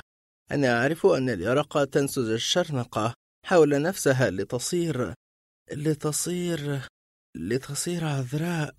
كل طالب مدرسة يعرف هذا. هذا الذي تحتويه الشرنقة هو عذراء تلك الحشرة المجهولة التي قد تكون خطيرة بل هي خطيرة. ألقي بالشرنقة على الأرض وأصيح. لا أعرف ما هي يا أرني صدقيني ربما تكون مؤذية. خاطر لي هذا لهذا طلبت رأيك. أه، نصيحة تخلصي من هذه الشرانق فورا ربما كان عليك أن تحرقيها. وقبل أن تكمل كلامها كنت قد غادرت الشقة. أصعد درجات السلم ملهوفة لقد نجوت من موت أكيد. هنا ينفتح باب جارتنا عزة. إنها في الثلاثين وهي متزوجة لم تنجب بعد. تقول إنها تريد أن تكلمني في شيء. فيما بعد يا عزة أنا عائدة من العمل ومرهقة. مشكلة هذه البناية أنك لا يمكن أن تصعد الدرج من دون أن يسمعك الجميع. لكن عزة متوترة. تصر على أن أمنحها بضع دقائق. عزة تهوى الفنانين. لذا تعلق صورا عملاقة ذات إطار لعدد هائل منهم في كل مكان. تجد صورا لمحمد منير وعمرو دياب وسلين ديون ومادونا وأنغام. تقول إن هذه السلواها الوحيدة ما دامت حرمت من الأطفال. تجلس أمام تلفزيون وتواصل تقشير الكوسة التي كانت منهمكة فيها عندما سمعت صوت خطواتي. يدها ترتجف على السكين يدها تتقلص تقول لي أنا مصممة على الطلاق. منذ أن عرفتك وأنت مصممة على الطلاق. يسيل الدمع من عينها. فيخيل لي للحظة أنها تقشر بعض البصل. ثم تقول السر الذي لا تعرفينه يا ياسمين هو أنني لم أنجب لسبب بسيط جدا. أنا ما زلت عذراء. أنظر لها في دهشة ورعب. فتقول نعم أهلي لا يعرفون بهذا. وكذلك لم أخبر به أحدا. أنا عذراء بعد خمس سنوات من الزواج. ظل يؤكد لي أنه يتردد على الأطباء وأنه سيشفى ثم عرفت أنه لا أمل. أنا لن أنتظر أكثر. سوف أطلب الطلاق. فإن أبى لطلبت رأي لجنة طبية. سوف أفضحه إذا لزم الأمر. إنني شابة حسناء و... من الحرام أن أذل مثلك. هذا ما لم تقله طبعا لكنني أكملت العبارة في ذهني. المشكلة أن عزة تتوتر. نظرة جنون في عينيها. يدها تتقلص على السكين إنها على حافة الانهيار التام. عز عذراء إذا أنا أنتظر الموت على يد عذراء. فهل من موقف مناسب أكثر من هذا؟ وحدي في شقتها وسكين في يدها وجنون في عينيها. نجوت من سقوط تمثال العذراء على رأسي. نجوت من تلك الحشرة التي في طور العذراء والتي لا أعرف ما هي. هل أنجو من العذراء التي أمامي؟ أسألها وأرتجف. أين زوجك؟ هذا الرجل الذي ليس رجلا على الإطلاق. هنا ينفتح الباب ويدخل زوجها. لقد كان يسمع المحادثة من البداية. لم أره من قبل. أقرب إلى الثور الهائج منه الآن. قميصه مفتوح ونظرة مجنونة في عينيه. اللعاب يسيل من فمه وهو يصيح. إذا أنت لا تكفين عن فضحي في كل مكان أيتها القذرة. تقول هي في ثبات من يرغب في بلوغ الأمر آخر مدى له أنت لم ترى الفضيحة بعد. وتعتصر السكين أكثر. اترك السكين يا عزة. لكن النظرة المجنونة في عينيها لا تزول. هو أكثر جنونا. يبحث حوله عن شيء ثقيل فلا يجد إلا إحدى الصور ينزعها من على الجدار. صورة ثقيلة ذات إطار محترم. يرفع ذراعيه فوق رأسه ويقذفها بها. الصورة تطير نحوها عزة تنحني في الوقت المناسب. لكن الصورة تواصل الطيران نحوي.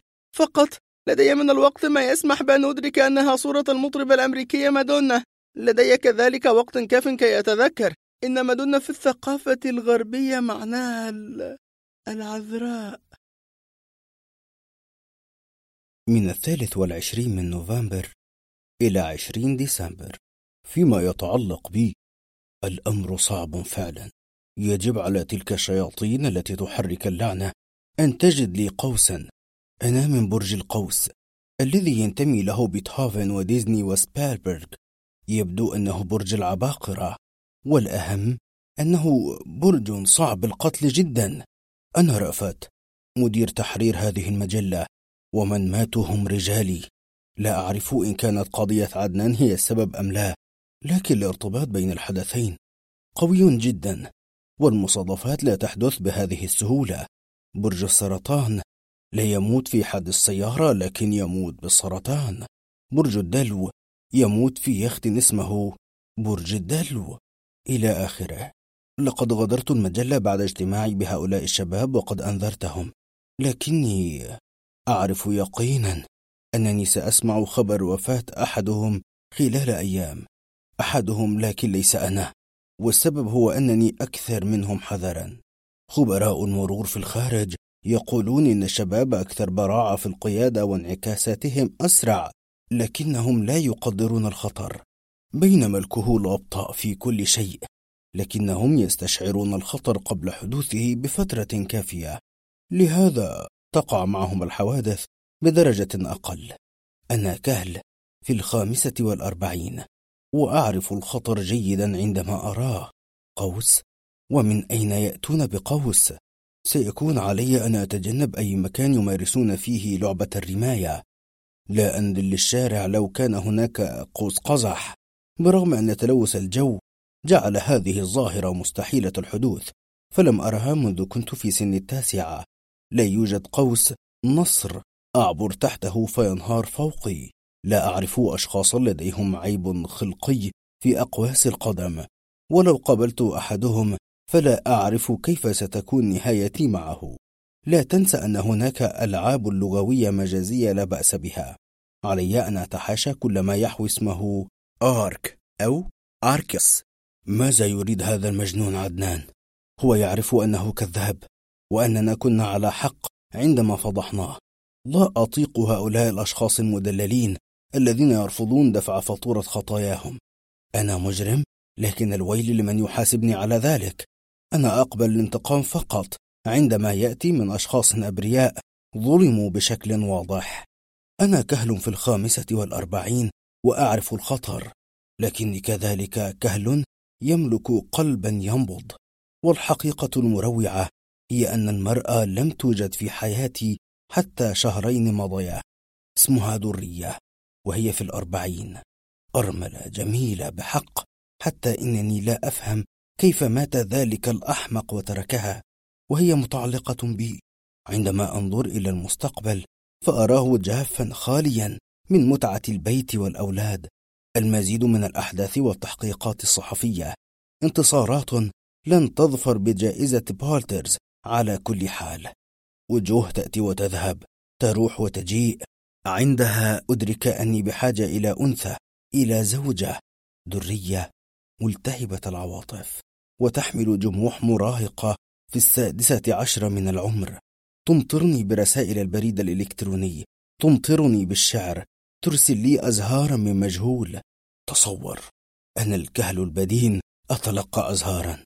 فلو تركت نفسي لنفسي لصنعت منها مربى لكن التهام الأزهار يبدو لي عملا حيوانيا. نعم أنا كهل بدين.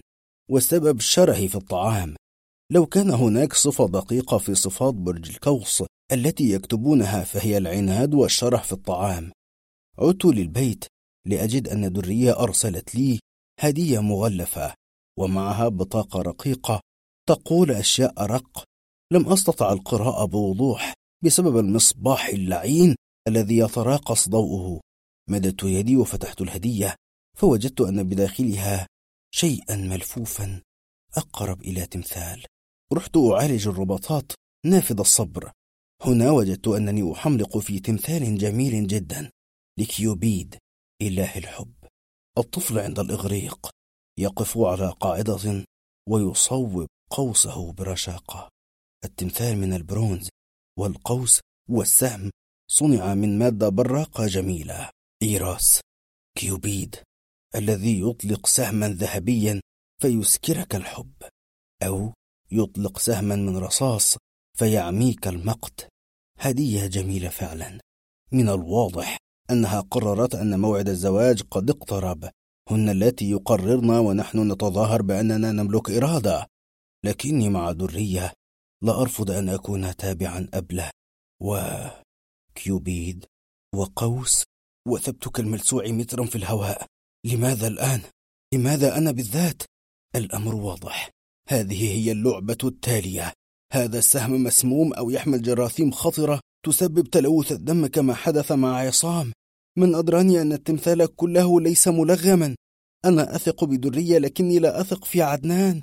واعتقادي أننا جميعا قطع شطرنج تتحرك على رقعة اللعنة النهائية. فقط أعرف يقينا أن هذا الشيء لن يبقى في بيتي. كان ضوء المصباح يتراقص بلا انقطاع مما جعل التمثال يبدو حيا. قمت بلف الشيء بحذر حتى لا ألمسها ثم دسسته في علبته وغادرت البيت.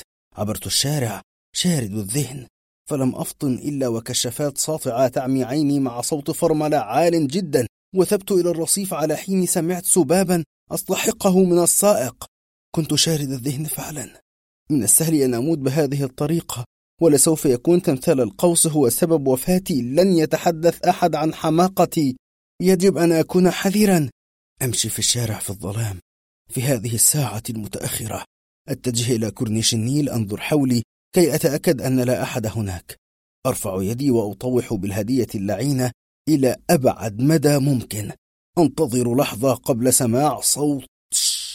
لقد ذهبت الهدية ولن تعود. التفت لأبتعد. عندما وجدت أنني أقف أمام رجلين لا يوحي منظرهما بالثقة. متى جاء ومن أين؟ يلوح أحدهما في وجهي بشيء أدرك على الفور أنه مطواه قرن غزال النقود والمحمول بسرعة. الصوت الثقيل الغليظ الموحي بالبرشام. لا شك في ذلك. هذا سطو مسلح. تثبيت. كما يسميه الشباب بلغة اليوم. طبعا لا بد من أن أستسلم وأعطيهما ما يريدان. لكن من قال لي إن هذا كل شيء المحمول عليها أرقام مهمة جدا لكن لم أفر. أمد يدي في جيبي وأناولهما ما أرادا لكنهما لم يكتفيا كما هو واضح. فجأة أمسك أحدهما بياقة سترتي ورفع المطوال يهوى بها. سأموت هنا ولسوف يقول الزملاء على الأقل لم يمت هذا بسبب قوس. هم لا يفهمون لقد لاقيت حتفي بسبب الخلاص من قوس. لكن الضربة لم تهوى لأنني سمعت من يصيح توقفا! رفعت رأسي لأجد سيارة الدورية تقترب بأضوائها المميزة وبابها ينفتح ليثب منه رجل شرطة ويركض نحونا. بالطبع لم ينتظر الرجلان أكثر وانطلقا يركضان بما سرقاه هل أنت بخير؟ سألني الضابط الشاب الذي ترجل من السيارة فهززت رأسي. يهزني الشعور بأن ربع ثانية كان يفصلني عن الموت أو الرقاد في العناية المركزة للمستشفى. أنت لا تبدو على ما يرام. أين تسكن؟ وساعدني على ركوب السيارة. إن للحب ضرائب غريبة على كل حال. هدية السيدة درية كادت تكلفني حياتي مرتين. في النهاية وصلت إلى أول شارعنا فشكرتهم بشدة. أعتقد أنهم سيجدون الرجلين ولسوف يعود لي المحمول. على الأقل قد تخلصت من التمثال اللعين. كان الكهربائي الذي يقع محله عند أول شارعنا لم يغلق أبوابه بعد فابتعت منه مصباحا بدل ذلك التالف في شقتي. لقد ابتعت منه المصباح الأول وهو من نوع غريب غير معتاد وبالتالي ربطت نفسي به للأبد. هل تريد من يبدله لك؟ لا شكرا. لو لم نستطع القيام بتبديل المصباح لما استحققنا أن نكون رجالا. في شقتي أحضرت السلم الصغير وتسلقت عليه. مددت يدي وبدأت أفك المصباح القديم.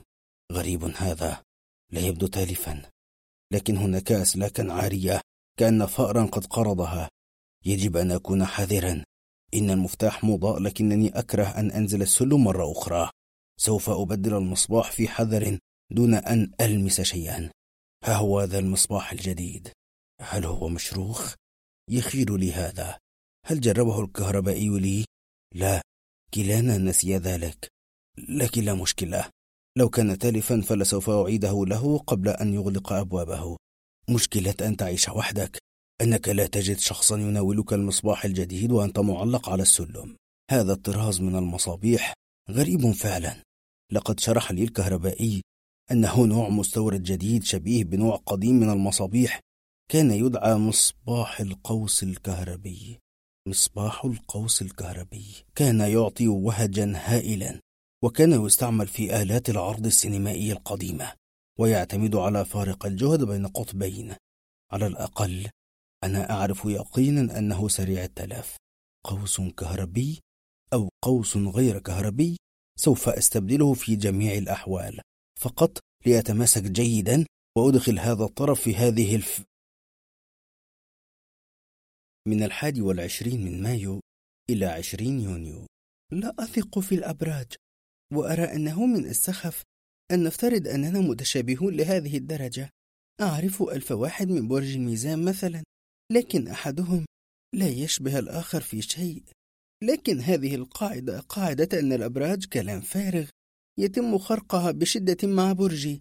برج التقلب والهوائية والأفكار المجنونة التي تصحو صباحا لتجدها سخيفة. برج الطموحات التي لا تنتهي وأمراض القلب وداء السكري والتوتر الدائم. لا يمكن إلى أن تجدهم متشابهين. البرج اللي انت من مواليده مواليده خلاص عزلوا منه. هذه الكلمات الطريفة كانت تقال في المقدمة الغنائية لمسلسل برج الحظ الذي اشتهر باسم شرارة. نعم لو كان هذا بوسعي لطلبت أن أنقل نفسي لبرج آخر. هذا هو برج كينيدي ومارلين مونرو. كانا حبيبين كما يقال. ومن الواضح أن أتباع هذا البرج ينجذبون بشدة لبعضهم برغم كلام الفلكيين. اسمي لمياء. أعتقد أنك شرفت بلقاء ثريا ومي وياسمين ورأفت وعصام وصفوت كلهم باستثناء رأفت من الصحفيين الشباب الذين كانوا يمثلون دينامو هذه المجلة. وإنها لخسارة فادحة. لقد عرفنا بخبر وفاة ياسمين ورأفت في يوم واحد عندما كنا جالسين مساء يوم الثلاثاء نضع الخطط. نتساءل عن سبب تأخر مدير التحرير الهمام عن الظهور خاصة ورقم هاتفه لا يرد. جاءت الأخبار في العاشرة مساء أن ياسمين توفيت في المستشفى. مشدة مجنونة بين جارتها وزوجها الذي فقد صوابه فقذف زوجته بلوحة ثقيلة ارتطمت برأس ياسمين وهشمتها وهو تطبيق حرفي لمقولة مينوب المخلص أو يا داخل بين البصلة وقشرتها أما جار رأفت الذي يملك نسخة من مفتاح شقته فقد فتح الشقة ليجد رأفت ميتا. لقد صرعته الصدمة الكهربية وهو يحاول استبدال مصباح في السقف. لا تنسى أنه يعيش وحده. قبل أن نستوعب الخبر هتف أحد الشباب معنا. هل تفهمون معنى هذا؟ لا علاقة لموتهما بالأبراج. ياسمين من برج العذراء لا برج اللوحة. ورفد من برج القوس لا برج الكهرباء. دوت ضحك عصبية. ثم تذكرنا أين نحن وماذا نفعله. هكذا انفجرنا في البكاء. تهاوت الفتيات يبكين في هستيريا بينما وقف الشباب ساهمين. نحاول تذكر رأفت وكيف كان يجمعنا ويصدر لنا التعليمات. غدا سوف نحضر جنازتين. سوف أوصل أكثرهم بسيارات اللادا العتيقة. فهم من الشباب معتادي الميكروباص كما تعلم. وعندما استطعنا أن نرتب أفكارنا بدأ واضحا لنا أن وفاة هذين لا يمكن أن تكون صدفة مستحيل.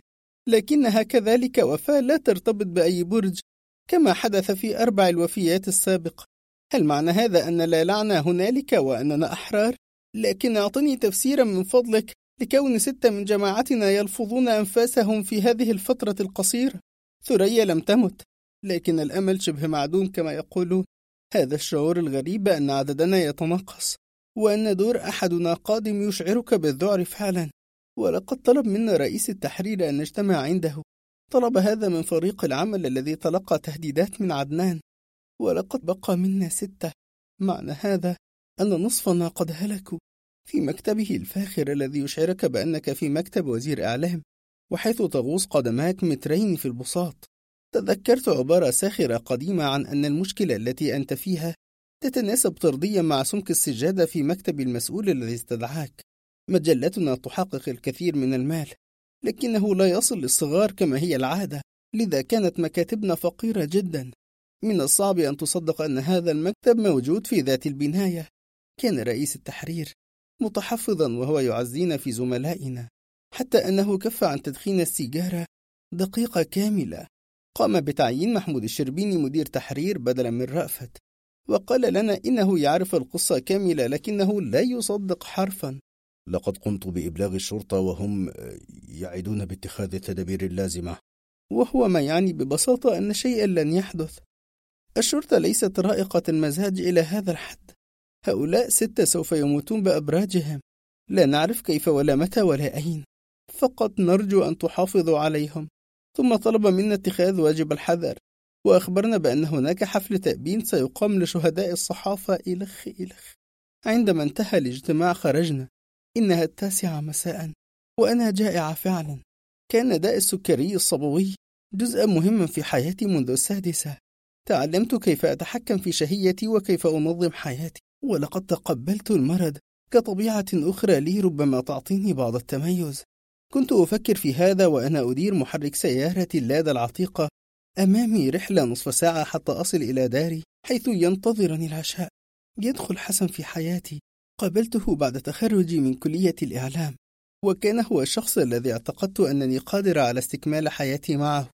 من الصعب أن تتصور المرأة أن تمضي حياتها مع رجل ينام ببيجامة مخططة ويصحو منكوش الشعر نامي اللحية يتجتشأ ويدخل الحمام ويلعب في أصابع قدميه ويلتهم الفول كالحمير ويكون عليها أن تتقبل سخافات الرجال الأخرى منه. لا لابد من الحب. كي تتحمل المرأة هذه التضحية. وأنا أحببت حسن وبدأ أنه يحبني بحق. لم يكن أحدنا يعاني مشاكل مادية نحن من القلائل المستريحين فعلا. ولديه شقته وأنا أملك سيارة وأهلي أثرياء نسبيا. لهذا كان طريق الزواج مفتوحا. لم يغلقه إلا مجموعة من جزر لانجرهانز اللعينة لقد حانت لحظة الحقيقة. أردت أن نبدأ بداية صحية. أخبرته بأنني مصاب بالسكري وأنني أتعاطى العلاج بشكل منتظم وهناك ضوابط صارمة على حياتي. حملي قد يكون مشكلة وقد أنقل المرض لذريتي برغم أن طبيبي يقول إن هذا لن يكون. أرمق معالم الطريق في الظلام وأنا أتذكر. لقد تغير حسن عندما أخبرته. امتقع وجهه وبدأ مرتبكا ثم بدأ يبتعد يبتعد يبتعد. هكذا يبتعد الرجل بطريقة تقول بصوت خفيض انتهى الأمر. أنا لن أتحمل وضعا كهذا كان علي أن أتوقع هذا وأقبل. لقد أخبرته على سبيل التخيير وكان من حقه أن يقول نعم. أم لا؟ لكني لم أقبل هذه اللا بدت قاسية جدا. ومنذ ذلك الحين هو زميلي في المجلة وأراه يوميا لكن علاقتنا التي كانت نحن صارت هو وهي. عجلة القيادة عنيدة جدا. هناك مشكلة ما. لحسن الحظ هناك تلك الورشة المفتوحة. هناك إثارات معلقة ومنفاخ وكوريك توقفت هناك ونظرت خارج النافذة في ملل. فظهر الفتى النحيل الأسمر ذو العينين الخضروين والضحكة المريبة الخبيثة متسائلا. قلت هناك مشكلة في الإطارات. شكله لا يبعث الطمأنينة في النفس. ولا أحب أبدا أن أتواجد معه منفردة إن لم يكن ممن يغتصبون النساء وأنا أستبعد ألا يكون كذلك فهو يسرقهن. دار حول السيارة ثم تفحص العجلة الأمامية اليمنى وركلها وقال إنه لابد من فكها لفحصها. ترجلت من السيارة ووقفت أراقب المرة بينما هو يجلب الكوريك ويرفع السيارة ثم يفك العجلة بسرعة احترافية. يدحرجها على الأرض إلى حيث ذلك الحوض ويغمرها فيه ويراقب المشهد. مثقوبة لابد من لحامها.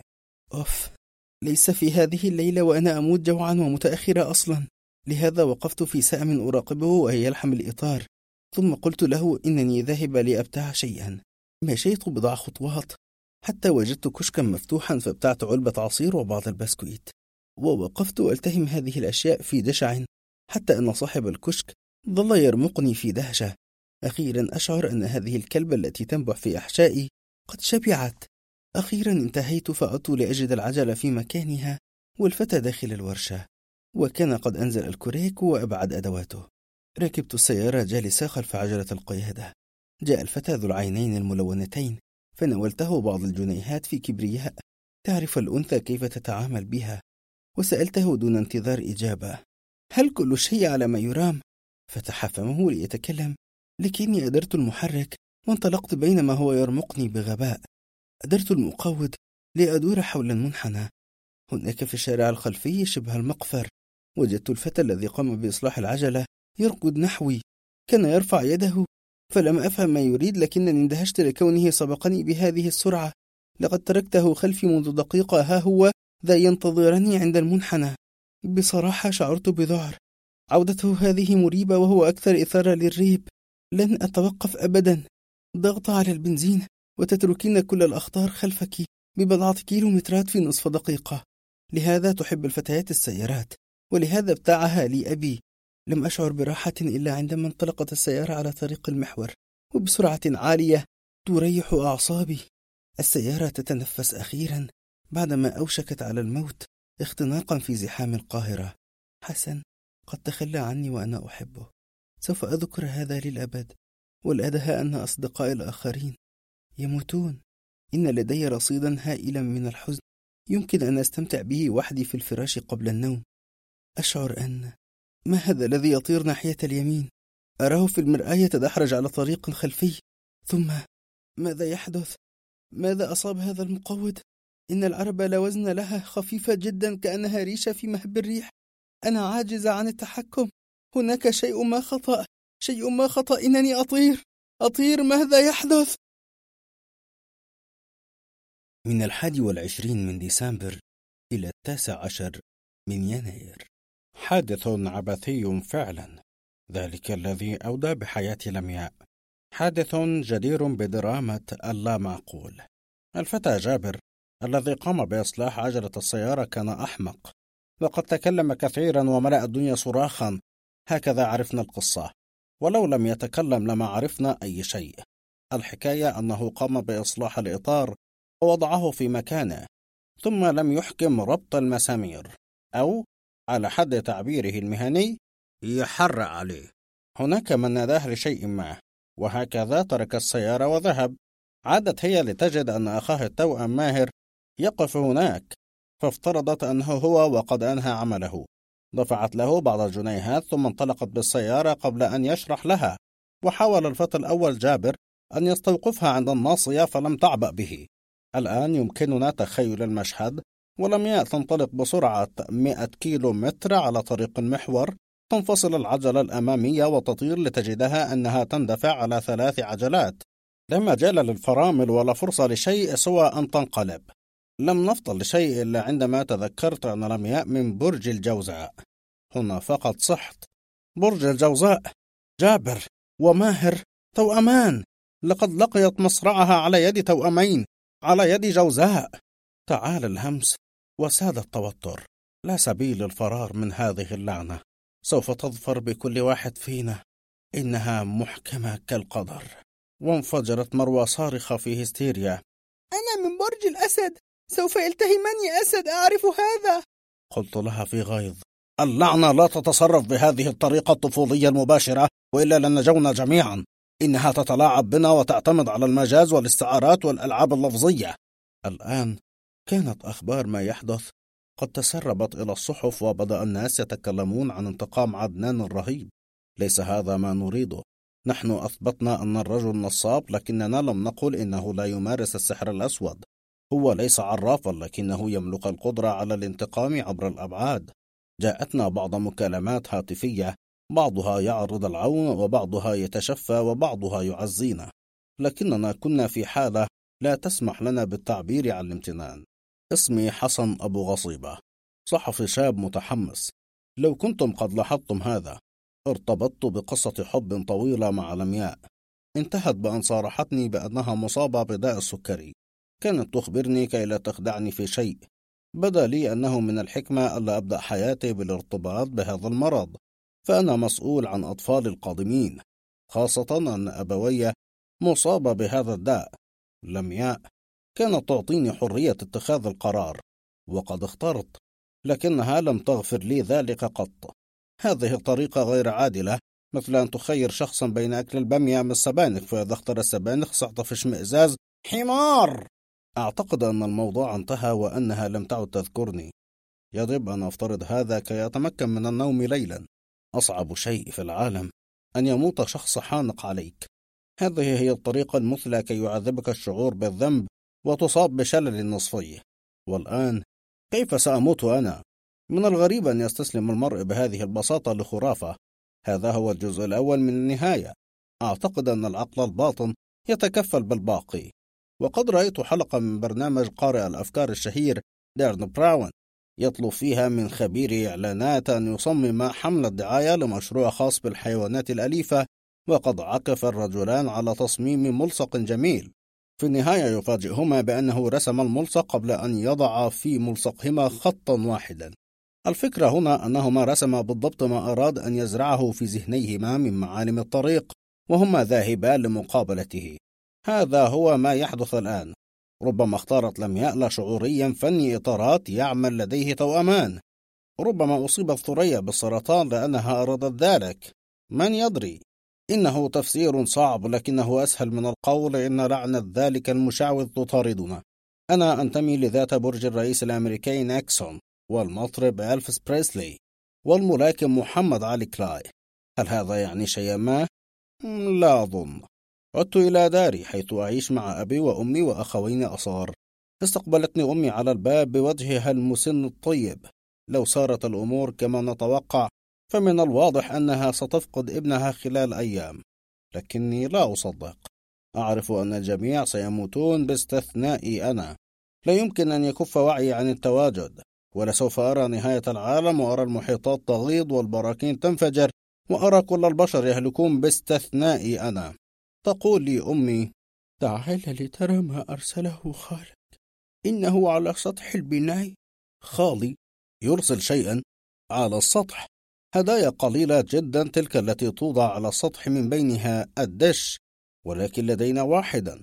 صعدت درجات سلم البناية التي نملكها وقلبي يتواثب. فلم أدن من باب السطح الخشبي حتى كنت قد خمنت ما هنالك. وجاء الصوت الذي يقول ماء ليؤكد لي إنني عبقري. ماء كما يسمعها العرب. وباء كما يسمعها الغربيون. المهم أن هذا الشيء يقف هناك على السطح مربوطا بحبل من ليف إلى السور وهو ينظر لي نظرة شبه ساخرة نسيت أن عيد الأضحى اقترب وأن خالي يرسل لنا الخراف والجديان قبل العيد بفترة كافية لأن جزار القاهرة غشاشون وهو يفضل أن يرسل جديا لأنه بلا فراء كثيف وبالتالي فلحمه شبه خالص على أن يذبحه جزار خبير حتى لا يتلوث لحمه بالشعيرات الدقيقة. خالي من الطراز المولع بهذه التفاصيل التي تثير غيظي كأنها سر الحياة ذاته. المهم أن هذا الجدي يقف هناك جوار السور. جدي حقيقي ضخم الجثة له لحية وهو يمضغ تلك الأشياء الغامضة التي لا تكف المواشي عن التهامها. نظرة شيطانية على وجهه فلا عجب أن المسيحية الأوروبية ربطت التيس بالشيطان. وقيل إن هذا كي يتخلى الناس عن عبادة بان إله المراعي الوثني. هذا شيطان حقيقي. اقتناء جدي أو ماعز في القرون الوسطى كان يكفي لإحراق صاحبته. لأنهم كانوا يفترضون أنها ساحرة تعاشر الشيطان ولا أرى في هذا قسوة. طبعا أنت خمنت أنني من برج الجدي. لهذا أصابتني نوبة من الهستيريا. هذا الشيء لن يبقى هنا لحظة واحدة. هل جننت؟ لا أستطيع الشرح لكن لابد من التخلص منه. سوف يقتلني. لا أعرف متى ولا كيف لكنه سيفعلها. جدي في هذا الوقت بالذات ليس له سوى معنى واحد. تشاجرت. ولعبت دوري بنجاح تام. أن أقنعهم أنني مجنون تماما. وفي النهاية قال أبي في حزم لا طريقة للتخلص منه. لو كنت جبانا إلى هذا الحد فعليك أن تبيت عند أصدقائك. قضيت الليل بلا نوم تقريبا لأن غرفتي تقع تحت موضع السطح السعيد الذي يقف فيه ذلك المخلوق. طيلة الليل أسمع صوت حوافره تضرب الأرض وأسمع ذلك الثغاء الكريه. أتصوره وقد مشى على قدميه الخلفيتين كما نرى في صورة الشيطان. فقط صارت عيناه حمروين وهو ينزل الدرج قاصدا غرفتي. حوافره صارت مخالب حادة طويلة كالسكين. إنه هناك. ينتظرني.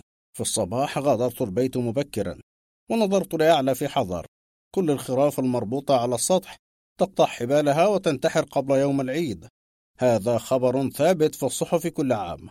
سوف يقطع حباله ثم يثب من أعلى ليسقط فوقي ليهشمني. هذا هو السيناريو الأرجح. ما ما كذا ناداني من أعلى فصح صبي يمشي في الشارع. مفيش برسيم اسكت يا بهيم ياه لم أقلها منذ كنت في التاسعة من عمري. شعور غريب ينتابني وأنا أتذكر طفولتي بينما العمر يدنو من نهايته كما هو واضح. عدت من العمل في ساعة متأخرة من الليل. لم أخبر أحد الزملاء بهواجسي حتى لا يسخروا مني. عدت للمنزل فصعدت في الدرج هنا سمعت ضوضاء أعلى من اللازم قادمة من أعلى. رفعت رأسي وأنا أتوقع أن ينقض هذا الجدي علي ليمزقني. كان ذلك الرجل ضخم الجثة مخيف المنظر يركض على السلم قادما من أعلى. إنه مبلل بالعرق يلهث وقد وضع على كتفيه شيئا ثقيلا في جوال. ومن خلفه يركض رجل يماثله في الحجم يحمل باقي الجوال على كتفه. أحدهما كان يحمل سكينا ضخمة من سكاكين الجزارين تم اللقاء بيني وبينهم في منتصف طريقي إلى شقتنا وفي الظلام شبه الدامس. هذا اللصان سرق الجدي ومن الواضح أنهما ذبحا لأنه لا يصدر صخبا ولأن ثيابهما ملوثة بالدم. توتر الرجلان وأخرج أحدهما السكين الضخمة يروح بها في وجهي موشكا على الضرب. لكني تراجعت لألصق ظهري بالجدار وصحت. لا تفعل شيئا أحمق خذه وارحل. صدقني أنا أرغب في الخلاص منه. هذان المجنونان لا يعرفان أنهما فعلا أفضل شيء ممكن. لقد تسللا من باب البناية عندما حل الظلام ولم يجد عسرا في فتح باب السطح. المهم أن يرحل في سلام ولهما تحياتي وشكري نظر لي في عدم تصديق ثم هرع ينزلان في الدرج توقع أن أصرخ لكنني لم أفعل. وسمعت صوت سيارة تتحرك. طبعا هناك سيارة كانت تنتظرهما. واصلت الصعود إلى السطح لا أرى ما حل به. لقد أغلق الباب خلفهما كما هو واضح. هنا كان أول شيء طالعني هو الجدي اللعين. كان يقف هناك في ضوء القمر ينظر لي وقد قطع الحبل الذي يربطه وتراجعت في ذعر وأنا لا أصدق. هنا انقض علي بلا تردد. جريت كما لم يجري أحد من قبل. كان في حالة هياج غير عادية وبصعوبة استطعت أن أذهب إلى باب السطح وأغلقه خلفي بينما أرتطم القرنان به بقوة. ووقفت وظهري للباب ألهث. إذا لم يأت رجلان من السطح جاء من شقتنا وما كان يحملانه على ظهرهما. هو جسد بشري وليس الجدي. جسد بشري؟ هو جسد أبي أو أمي أو أخيه وأنا تركتهما يفران. رباه كان ملوثين بالدماء. كان قلبي يتواثب في صدري بلا توقف وأنا أنزل الدرج بقدمين من عجين. ترى ماذا ينتظرني في الشقة وأي مشهد سأراه؟ ربما لم يقتلني الجدي لكنه سبب أعظم حماقة ارتكبتها في حياتي. لكن لندع التفكير جانبا ولنرى ما حدث في الشقة أولا. من الحادي والعشرين من يوليو إلى عشرين أغسطس. كنت واقفة في غرفة النوم أبدل ثيابي عندما دق جرس الهاتف المحمول. وقفت بقميصي الداخلي وقميص النوم في يدي. ورحت أصغى لما يقوله الطرف الآخر. دنوت من المرآة وتأملت وجهي. لكني لم أكن أرى شيئا لأنني كنت هناك مع حسن أبو غصيبة. حسن الذي أخبروني أنه تعرض لحادث. هناك مجهولان تسلل للبناية وقتل اثنين من أفراد أسرته. الغريب أنهما اصطدما به على درج وهددا بالسكين وهربا. هو لم يبذل جهدا في مطاردتهما يقولون إنه انتقام بسبب شيك بدون رصيد كتبه أبوه. أبوه ثري لكنه ككل الأثرياء. يعبث أحيانا حيث لا يجب أن يعبث. وقد اصطدم بخصم قوي صمم على الانتقام. هناك من قالوا إن الخلاف كان على قطعة أرض استولى عليها الأب. لا أحد يعرف. وحسن غير قادر على إعطاء صفات الرجلين. بدقة. لأنه في حالة انهيار عصبي. لقد وجد مذبحة في الشقة عندما دخلها. فقط هو في المستشفى يردد بالانقطاع. الجدي حي! الجدي حي! كان الذي أخبرني بهذا كله هو زميلنا حاتم. وهل هناك جدي في القصة؟ للأسف نعم. هناك جدي أرسله خاله لهم وقد أصيب حسن بذعر جهنمي عندما رآه. على الأقل لم يسبب الجدي هذه الكارثة. نعتقد هذا والأهم أن حسن لم يمت. أقاربه هم الذين ماتوا. يبدو أن اللعنة ليست دقيقة تماما. لكن هذا أسوأ. نظرت إلى الخلف حيث جلست أختي نيتيلا على الفراش. من قال إنني أفضل موتها على موتي؟ يبدو أن حسن كان أسوأنا حظا. أغلقت الهاتف ويدي ترتجف. ونظرت إلى الخلف فوجدت أن نتيلة تنظر لظهري في ثبات. سألتها عما هنالك. نهضت وأشارت إلى بقعة ما بين لوحي الكتف وقالت ما هذه؟ لم أفهم. لهذا أتيت بمرآة أخرى واستعملت المرآتين لأتفحص ظهري. لا يوجد شيء. بقعة باهتة اللون بين لوحي الكتف. بقعة بحجم كف طفل. هذا لا شيء. أنا محجبة ولن يرى أحد ظهري أبدا. حتى لو تزوجت فالزوج الشرقي لا يرى جسد امرأته على الأرجح. أنا لست رائقة المزاج لهذه التفاصيل. قلت في غيظ. فعلا مشكلة. لن ألبس ثوب السهر السواري عاري الظهر. خسارة. ثم ارتديت ثيابي وغادرت الغرفة. الآن أنا في مشكلة حقيقية. اللعنة تطاردنا ولم يبقى أمامها سوى أربعة. كانت فرصة أن تكون أنت القادم. هي واحد على إثنى عشر. الآن هي الثلث. أنا مذعورة. نسيت أن أخبرك أني من الطراز الهستيري العصبي الذي يخاف من شيء. كيف يمكن أن أموت؟ تذكرت ما قاله لي مدير التحرير الأستاذ رأفت. طبعا لا أنصحك بالذهاب إلى السيرك أو حديقة الحيوان إلى أن نفهم ما نحن فيه؟ الغربيون يقولون لا يمكنك أن تكون حذرا أكثر من اللازم. وهذا ينطبق على ذلك البائس لأنه مات بصدمة كهربية وهو يبدل مصباحا في شقته. أنذرني لكنه لم يكن حذرا لهذا الحد. اسمي مروة. لابد أنك تعرفني الآن. أكتب بعض المقالات القصيرة التي لا خطر منها مثل أفضل طريقة لتقشير البصل بلا دموع أو مكياجك في المساء وأحيانا أكتب حلولا لمشاكل القراء الذين لا يعرفون أن مدام سوزي التي ترد عليهم ليست سوى فتاة في الرابعة والعشرين. نحيلة مذعورة لا تعرف أي شيء عن الحياة. أنا من برج الأسد برج بونابرت وبرنارد شو وعمر الخيام. مؤخرا عرفت أنه برج أرنولد شوارزنيجر الذي كان نجم أفلام الأكشن فصار عمدة كاليفورنيا لكني لم أرث أي من طباع الأسد. فأنا مترددة خائفة هشة أخاف كل شيء ولا أقدر على اتخاذ قرار. وثقتي بنفسي معدومة. ربما لأن أبي كان قاسيا ولأن أخوتي ذكور. أقسى منه. اتصل بي مدحت. خطيبي يعرض علي أن نخرج قليلا. أنا أخشى الخروج فعلا. لكن الحقيقة لا تنكر. هي أن أكثر من ماتوا ماتوا في بيوتهم.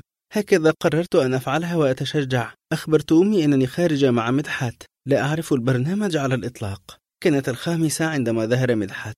إنه معلم شاب حديث التخرج. لم يبدأ بعد ذلك النشاط المعروف بالدروس الخصوصية. هو غير معروف بعد. وهو على العموم يؤمن بأنه على درجة من النحس بحيث سيكون المعلم الوحيد الذي يفشل في الكسب من الدروس الخصوصية. لو صرت تاجر مخدرات لأقلع الناس عن التعاطي. لو أدرت بيت دعارة لأعلن الناس العفة وتزاحموا في دور العبادة. كنت أقول ضاحكة. إذا أنصحك بافتتاح بيت دعارة. نحن بحاجة إلى أن يستقيم هذا المجتمع. هكذا ظهر. أعرف يقينا أن هذه النزهة سوف تكلفه مالا طائلا. ربما اقترض شيئا من أمه.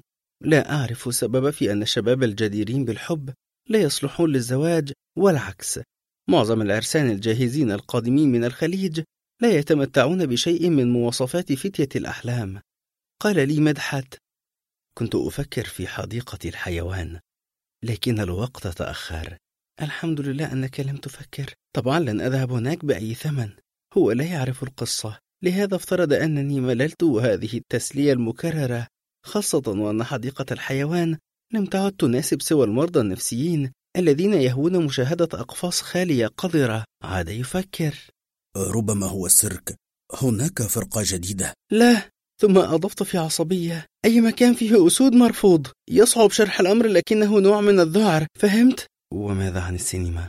هناك فيلم جديد في سينما مترو إنه عدت أفكر ثم قلت في حذر. السينما مترو؟ أليست هي التي تعرض أفلام شركة مترو جولدوين ماير حيث يظهر أسد يزأر في البداية؟ بلى هذا هو شعارهم. إذا لا تحاول. فرصة أن يقتلني الفيلم واهية أو معدومة لكني سمعت قصص موت الآخرين. فتاة تموت في يخت اسمه برج الدلو واحد يموت لأن على سطح البيت جديا. إن المجازات وافرة جدا هنا. وأكون ساذجة لو افترضت أن هلاكي سيكون بين أسنان أسد حقيقي يهاجمنا الآن في ميدان التحرير. كلا لابد من الخيال. كنا الآن نعبر مكانا مألوفا. فرفعت رأسي لأرى ما لم يخطر لي ببال. لماذا نسيت أسدي قصر النيل؟ هذه لحظة مناسبة كي ينهار أحد الأسدين ويسقط فوقي. قلت له في عصبية لن أعبر من هنا. أنت تزدادين عصبية. وراح ينظر لي في دهشة. بالفعل أتصرف كالمخابيل ولا يوجد أي منطق لأفعالي وتصرفاتي. راح يفكر قليلا ثم قال لي دعينا لا نذهب لأي مكان. لنقف هنا على الكورنيش ونتكلم. وهكذا استندت إلى السور الحديدي أرمق النيل. رائحة الذرة المنعشة الطازجة تتسرب لأنفي من بائع يقف خلفي. قلت له إنني أريد أن آكل بعض الذرة. تنفس الصعداء. لأن هذا يعني أن الجولة لن تكلفه إلا ملاليم.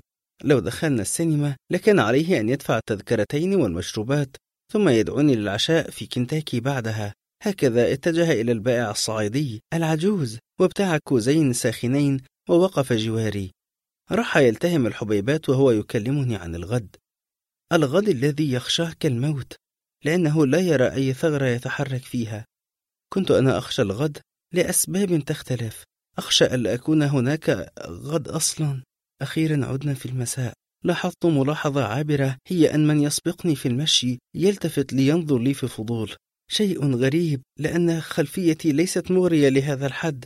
عندما افترقنا أخيرا شكرته على الأمسية الجميلة وطلبت منه أن يتحملني. أنا غريبة الأطوار هذه الأيام. هز رأسه وابتسم برفق. دخلت البيت وكانت نتيلة جالسة في الصالة تشاهد التلفزيون عندما مررت أمامها هنا. صاحت ما هذا؟ ماذا أصابك؟ ونهضت مسرعة ووضعت يدها على ظهري. أنت حرقت ظهر القميص مع جزء من الإشهرب. ونزعت القميص ونظرت بالفعل هناك فجوة بحجم قبضة اليد في أعلى ظهر القميص مع احتراق طرف الإشارب لقد تمسكت نار البائع الذرة المتطايرة من الفحم بثيابي ولم أشعر أنا ولا شعر مدحت ولحسن الحظ أنها انطفأت تلقائيا. ولهذا كان من يراني من الخلف يلتفت لينظر لي في فضول قالت لي في دهشة إلى هذا الحد أترى الحب صوابك؟ لم تشعري أنك تحترقين بالفعل لا أفهم. من الطبيعي أن أصرخ كالمجانين وأجري وأولول البقعة البيضاء بين لوحي الكتف. هذه هي البقعة التي لمستها النيران فلم تشعر. ما معنى هذا؟ يجب أن أذهب للطبيب غدا. فرغ دكتور مازن استشاري الأمراض الجلدية من الفحص وبدأ عليه القلق. لمس البقعة عدة مرات بأشياء لم أتبينها وفي كل مرة أقول له إنني لم أشعر بشيء. قال وهو يحك شعره. سوف نجري المزيد من الأبحاث أه لكننا نقلق بشدة عندما نرى هذه البقعة فاقدة الحس. إنها تعيد لأذهاننا مرضا مقلقا. هو مرض هانسن. ما هو؟ يحدث هذا في حالات معينة من أمراض الجهاز العصبي لكن في العادة تكون هذه مؤشرات مبكرة على مرض الله. أه لا عليك إنه قابل للعلاج. الجذام صار قابلا للعلاج وقد كان مرضا مخيفا في الماضي. جذام؟ أعرف هذا الاسم ورأيت صورا مروعة من أفريقيا لمرضى به. أعرف تلك المتسولة التي مرت بنا ونظرت لي بعينين حمراوين لا تريان ثم مدت يدا بلا أصابع تطلب مني صدقة. جذام؟ قلت في جزع. إنهم يتشوهون. قال دكتور مازن. ليست هذه هي القاعدة. دعك من أننا سنبدأ العلاج بمجرد أن يكتمل التشخيص. الريفاميبسين الدابزون إلى آخره. أما التشوه فيحدث في حالات متقدمة جدا. بحيث يصير وجه المريض مليئا بالعقد ويزول شعر حاجبيه كما تلتهب عيناه. لهذا كان العرب يطلقون على المرض اسم داء الأسد. نظرت له طويلا ثم نهضت واقفة. الأسد كان يجب أن أعرف هذا منذ البداية. غادرت العيادة. أنا أعرف ما سأفعله وأعرف متى سأفعله. الليلة النيل. لن أنتظر حتى أتشوه وأشبه تلك المتسولة. أعرف جيدا أن هذا نصيبي من اللعنة وأنني لن أشفى الليلة النيل الظلام والماء البارد لقد ظفر بي الأسد لكني لن أنتظر حتى يلتهمني بالكامل. سوف أخدعه وأفر إلى أعماق النيل الباردة التي لا يمكن أن يؤذيني شيء فيها. من الثالث والعشرين من سبتمبر إلى الثاني والعشرين من أكتوبر. قال لي دكتور أبو داود إذا أنتم متأكدون من أنكم لم تقابلوه. قلت له في إصرار لم يحدث. عاد يحك رأسه. دكتور أبو داود نصاب يزعم أنه يفهم في هذه الأمور. دكتوراه من المجر في شيء ما. وعلى حد علمي يمكن لكل إنسان أن يتوارى عن الأعين عامين ثم يعود ويزعم أنه حصل على دكتوراه من المجر وهو يلبس نظارة رفيعة ذهبية الإطار ذات سلسلة تتدلى على قصبة أنفه وله لحية قصيرة مهذبة ونظرة مجنونة في عينيه. باختصار هو مناسب جدا لهذه الأمور. قال لي من ناحية الأبراج أنا لا أثق بها وأعتقد أنه سخر الشياطين للظفر بكم لتنفيذ انتقامه. لكن هذا مستحيل من دون أن يكون عنده شيء من أثاركم. شعر قطعة من منديل إلى آخره. قلت له في إصرار. هو لم يلتقي بنا قط. إذا الموضوع يتجاوز فهمي. كنا جالسين في مكتبه الصغير الواقع في الطابق الثاني بأحد شوارع وسط البلد. واضح أنه يمارس تحضير الأرواح والتنويم المغناطيسي كذلك. وكنت قد أجريت معه حديثا صحفيا للمجلة منذ عام. قال لي على الأقل الوضع سهل بالنسبة لك. يسهل عليك أن تبتعد عن أي ميزان. كل من هلكوا حسب الأمر سهلا. وفتحت خطاب مروى الأخير الذي كتبته قبل أن تغيب في النيل. لقد تم إعداد المصيدة لها بعناية وحرص. لو لم تنتحر لربما شفيت. لكن الفخ النفسي كان محكما. شعرت بأنها لن تنجو وأن القصة منتهية بالنسبة لها. دعك من أنها كانت عصبية تخاف كل شيء. فليرحمها الله. أعتقد أنني آخر من تكلمت معه في المجلة كلها. عندما حكيت لها قصة حسن. قلت وقد تذكرت شيئا. تذكر أن حسن لم يمت. الأذى حل بأهله لكنه لم يمت. لمعت عيناه وقال في ذكاء نقطة مهمة هي. ثم ضم وجهه وقال أه وقد لا تكون. نظرت لساعتي فسألني إن كنت على موعد. قلت له إنني مرتبط بعمل صحفي مهم. تمنى لي حظا سعيدا نصحني بأن أبتعد عن أي ميزان ممكن. عندما غادرت مكتبه لم أكن قد ظفرت بأي شيء. يبدو أن علي أن أحمي نفسي بنفسي. هكذا عدت لداري. أغلقت الغرفة علي وجلست إلى المكتب الصغير. وبدأت أكتب الاحتمالات واحد لا تقف فوق أي ميزان. اثنان لا تستعمل ميزان الحرارة. قد يتهشم في فمك وتبتلع الزئبق. ثلاثة لا تتشاجر مع بائع في السوق فيقذفك بالميزان. هذه حدثت مع عم لي. أربعة. ابتعد عن الورشة التي تجد فيها ميزان عجلات. خمسة. ابتعد عن المحاكم. الميزان الذي يحمله تمثال العدالة معصوب العينين قد يسقط فوقك أنت بالذات. الآن نضب خيالي. هذه اللعنات تحتاج إلى خيال خصب. هناك كاتبة أمريكية اسمها جين كير. أوصت طفليها بكل شيء ممكن. لا تغسل التلفزيون بالصابون. لا تضع القطة في الغسالة. لا يدهنن أحدكما وجه الآخر بالطلاء إلى آخره وتركت البيت. ثم عادت لتجد أنه ما فعل الشيء الوحيد الذي لم توصي به وهو أكل أزهار الأقحوان في الحديقة. لهذا كتبت كتابا شهيرا ساخرا عن تربية الأطفال اسمه من فضلكما لا تأكل أزهار الأقحوان يجب أن أجد أزهار الأقحوان الخاصة بي قبل أن يجدها عدنان. يجب أن أذكر أن مجلتنا بدأت تعاني حالة نقص أيد عاملة مخيفة. لقد هلك تسعة محررين في فترة وجيزة. والمشكلة أنهم كانوا من الشباب الذين هم وقود المجلة وتروسها. الكل يتساءل وهناك جو عام من الاضطراب والذعر. لهذا لم يعد أحد يسألني متى جئت ومتى انصرفت. بالنسبة للآخرين نحن الثلاثة محكوم عليهم بالإعدام. رجال موتى يمشون. نظرات الشفقة تثير غيظي ونظرات الذعر أحيانا يعاملوننا كالمرضى باعتبار أن اللعنة التي تلاحقنا قد تمتد إلى اثنين لماذا فضحناك يا عدنان؟ لماذا لم نتركك وشأنك كأي نصاب آخر؟ كم من نصاب ينعم بحياة مستقرة وثراء فاحش من دون أن يلاحقه أمثالنا والمشكلة أننا لاحقنا نصابا يجيد السحر الأسود لا يمكن أن أظل هنا أنتظر الموت. لابد أن أعيش الحياة وأمارسها. أنا صحفي جورنالجي وسوف أعيش وأموت كجورنالجي. هكذا بدلت ثيابي وتأهبت للخروج. اتصلت بي نجوى. تقول إنها بانتظاري. نسيت أن أقول لك أن اسمي حاتم. برجي هو الميزان. هو برج غاندي وبريجيت باردو وأيزنهاور. أحرر الأخبار السياسية في المجلة. وأنا ممن يمكنك تسميتهم مثقف وسط البلد. شعر طويل ثائر على كتفي. ونظارة. أحمل حقيبة أعلقها على كتفي كسعاة البريد. فيها كاميرا رقمية وجهاز تسجيل. طبعا لابد من الولع الشديد بجيفارا وبوب مارلي ومحمد منير. والكثير من أشعار أحمد مطر وأحمد فؤاد نجم. هذه شروة واحدة. إما أن تأخذها كلها أو تتركها كلها. طبعا تكتمل الصورة لو عرفت أنني أعشق المدونات ولي مدونة اسمها الغاضبون مع الكثير من الجلوس على مقاهي وسط البلد في دائرة التحرير إياها. نجوى من طرازي بشعرها الثائر ونظارتها الرقيقة الشفافة وسروالها الجينز واستعدادها التام لحضور أي ندوة في أي مكان والجلوس على الرصيف عشر ساعات كاملة. أهلها لا يقلقون عليها على كل حال. دعك من أننا مخطوبان تقريبا. فقد ينقصنا الكثير جدا من المال. الليلة كانت هناك ندوة خارقة للعادة. هناك تجمع شبابي اسمه رابطة الشباب المصري الليبرالي يعقدون ندوة جماهيرية أولى لهم في أحد المقار خلف ميدان التحرير. لن أعطي تفاصيل أكثر. هكذا قابلت نجوى سألتني لماذا أبدو متوترا فقلت لها إن صحتي ليست على ما يرام. ليس من المستحب أن أقول لها إنني خائف من ميزان.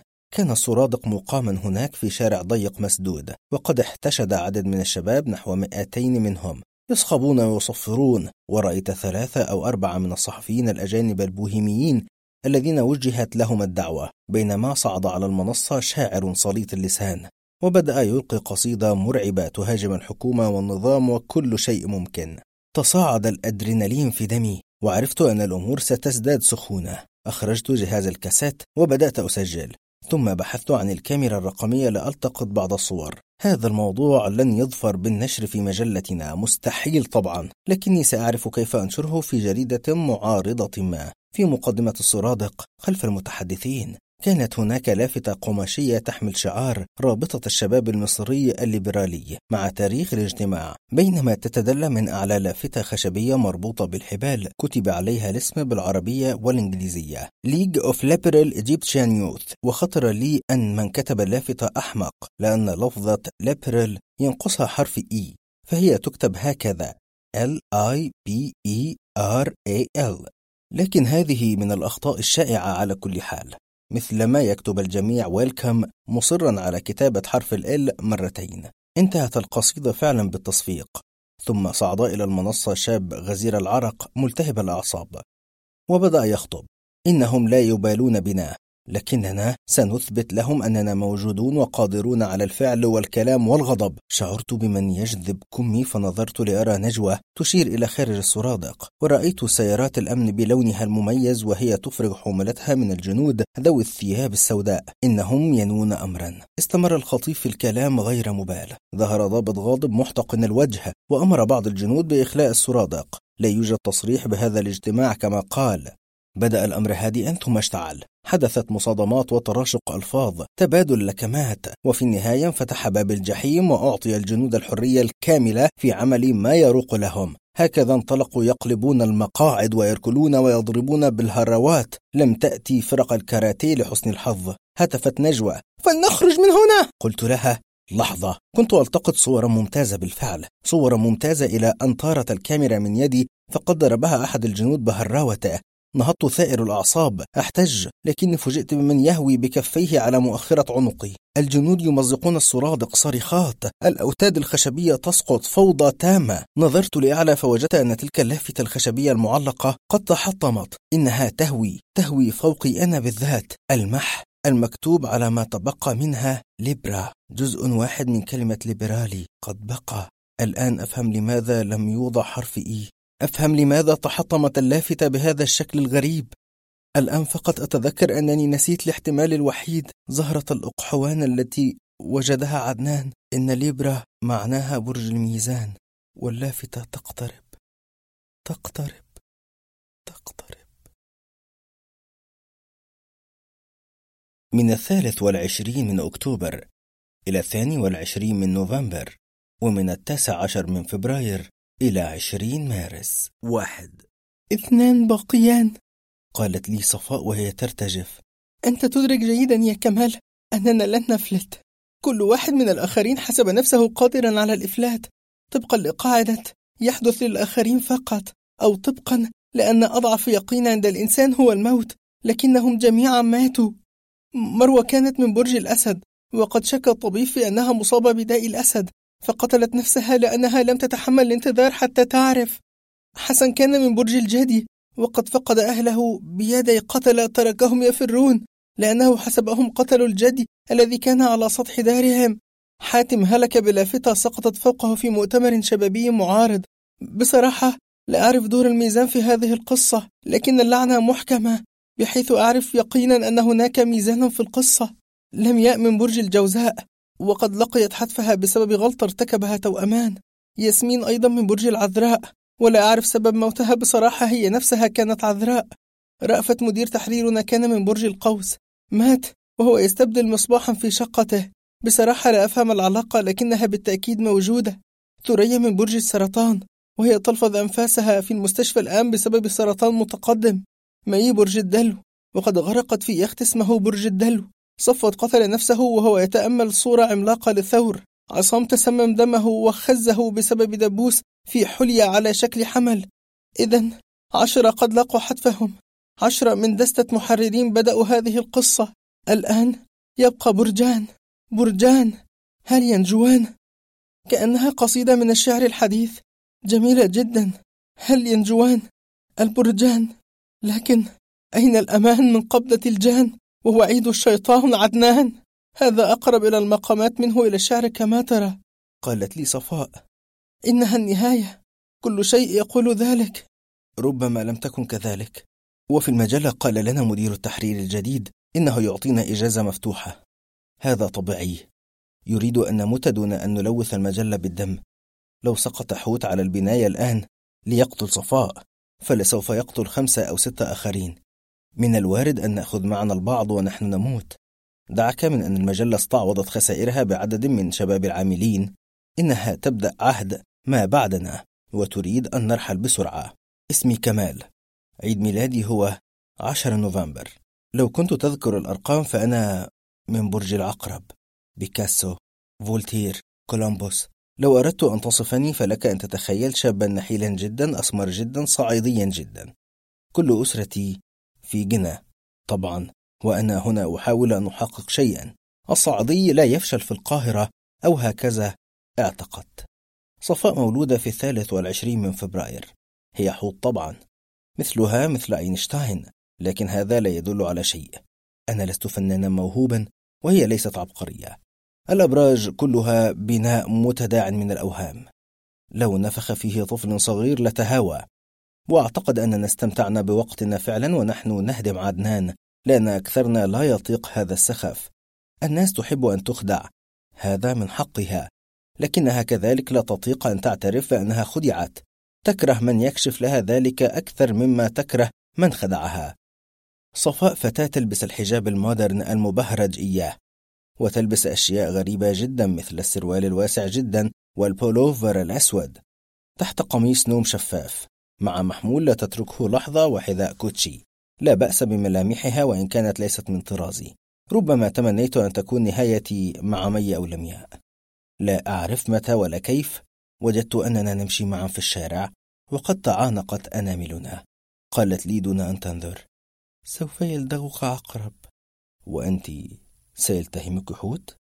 بالنسبة للعقرب هو وارد جدا. لست مدللا. وقد لدغتني عقارب كثيرة من قبل في قريتي. التهاب في موضع اللدغة وقيء وحمى لمدة يومين. أنت تكون في ألعن حال لكنك لا تموت. لن يلدغني عقرب حقيقي بل عقرب مجازي.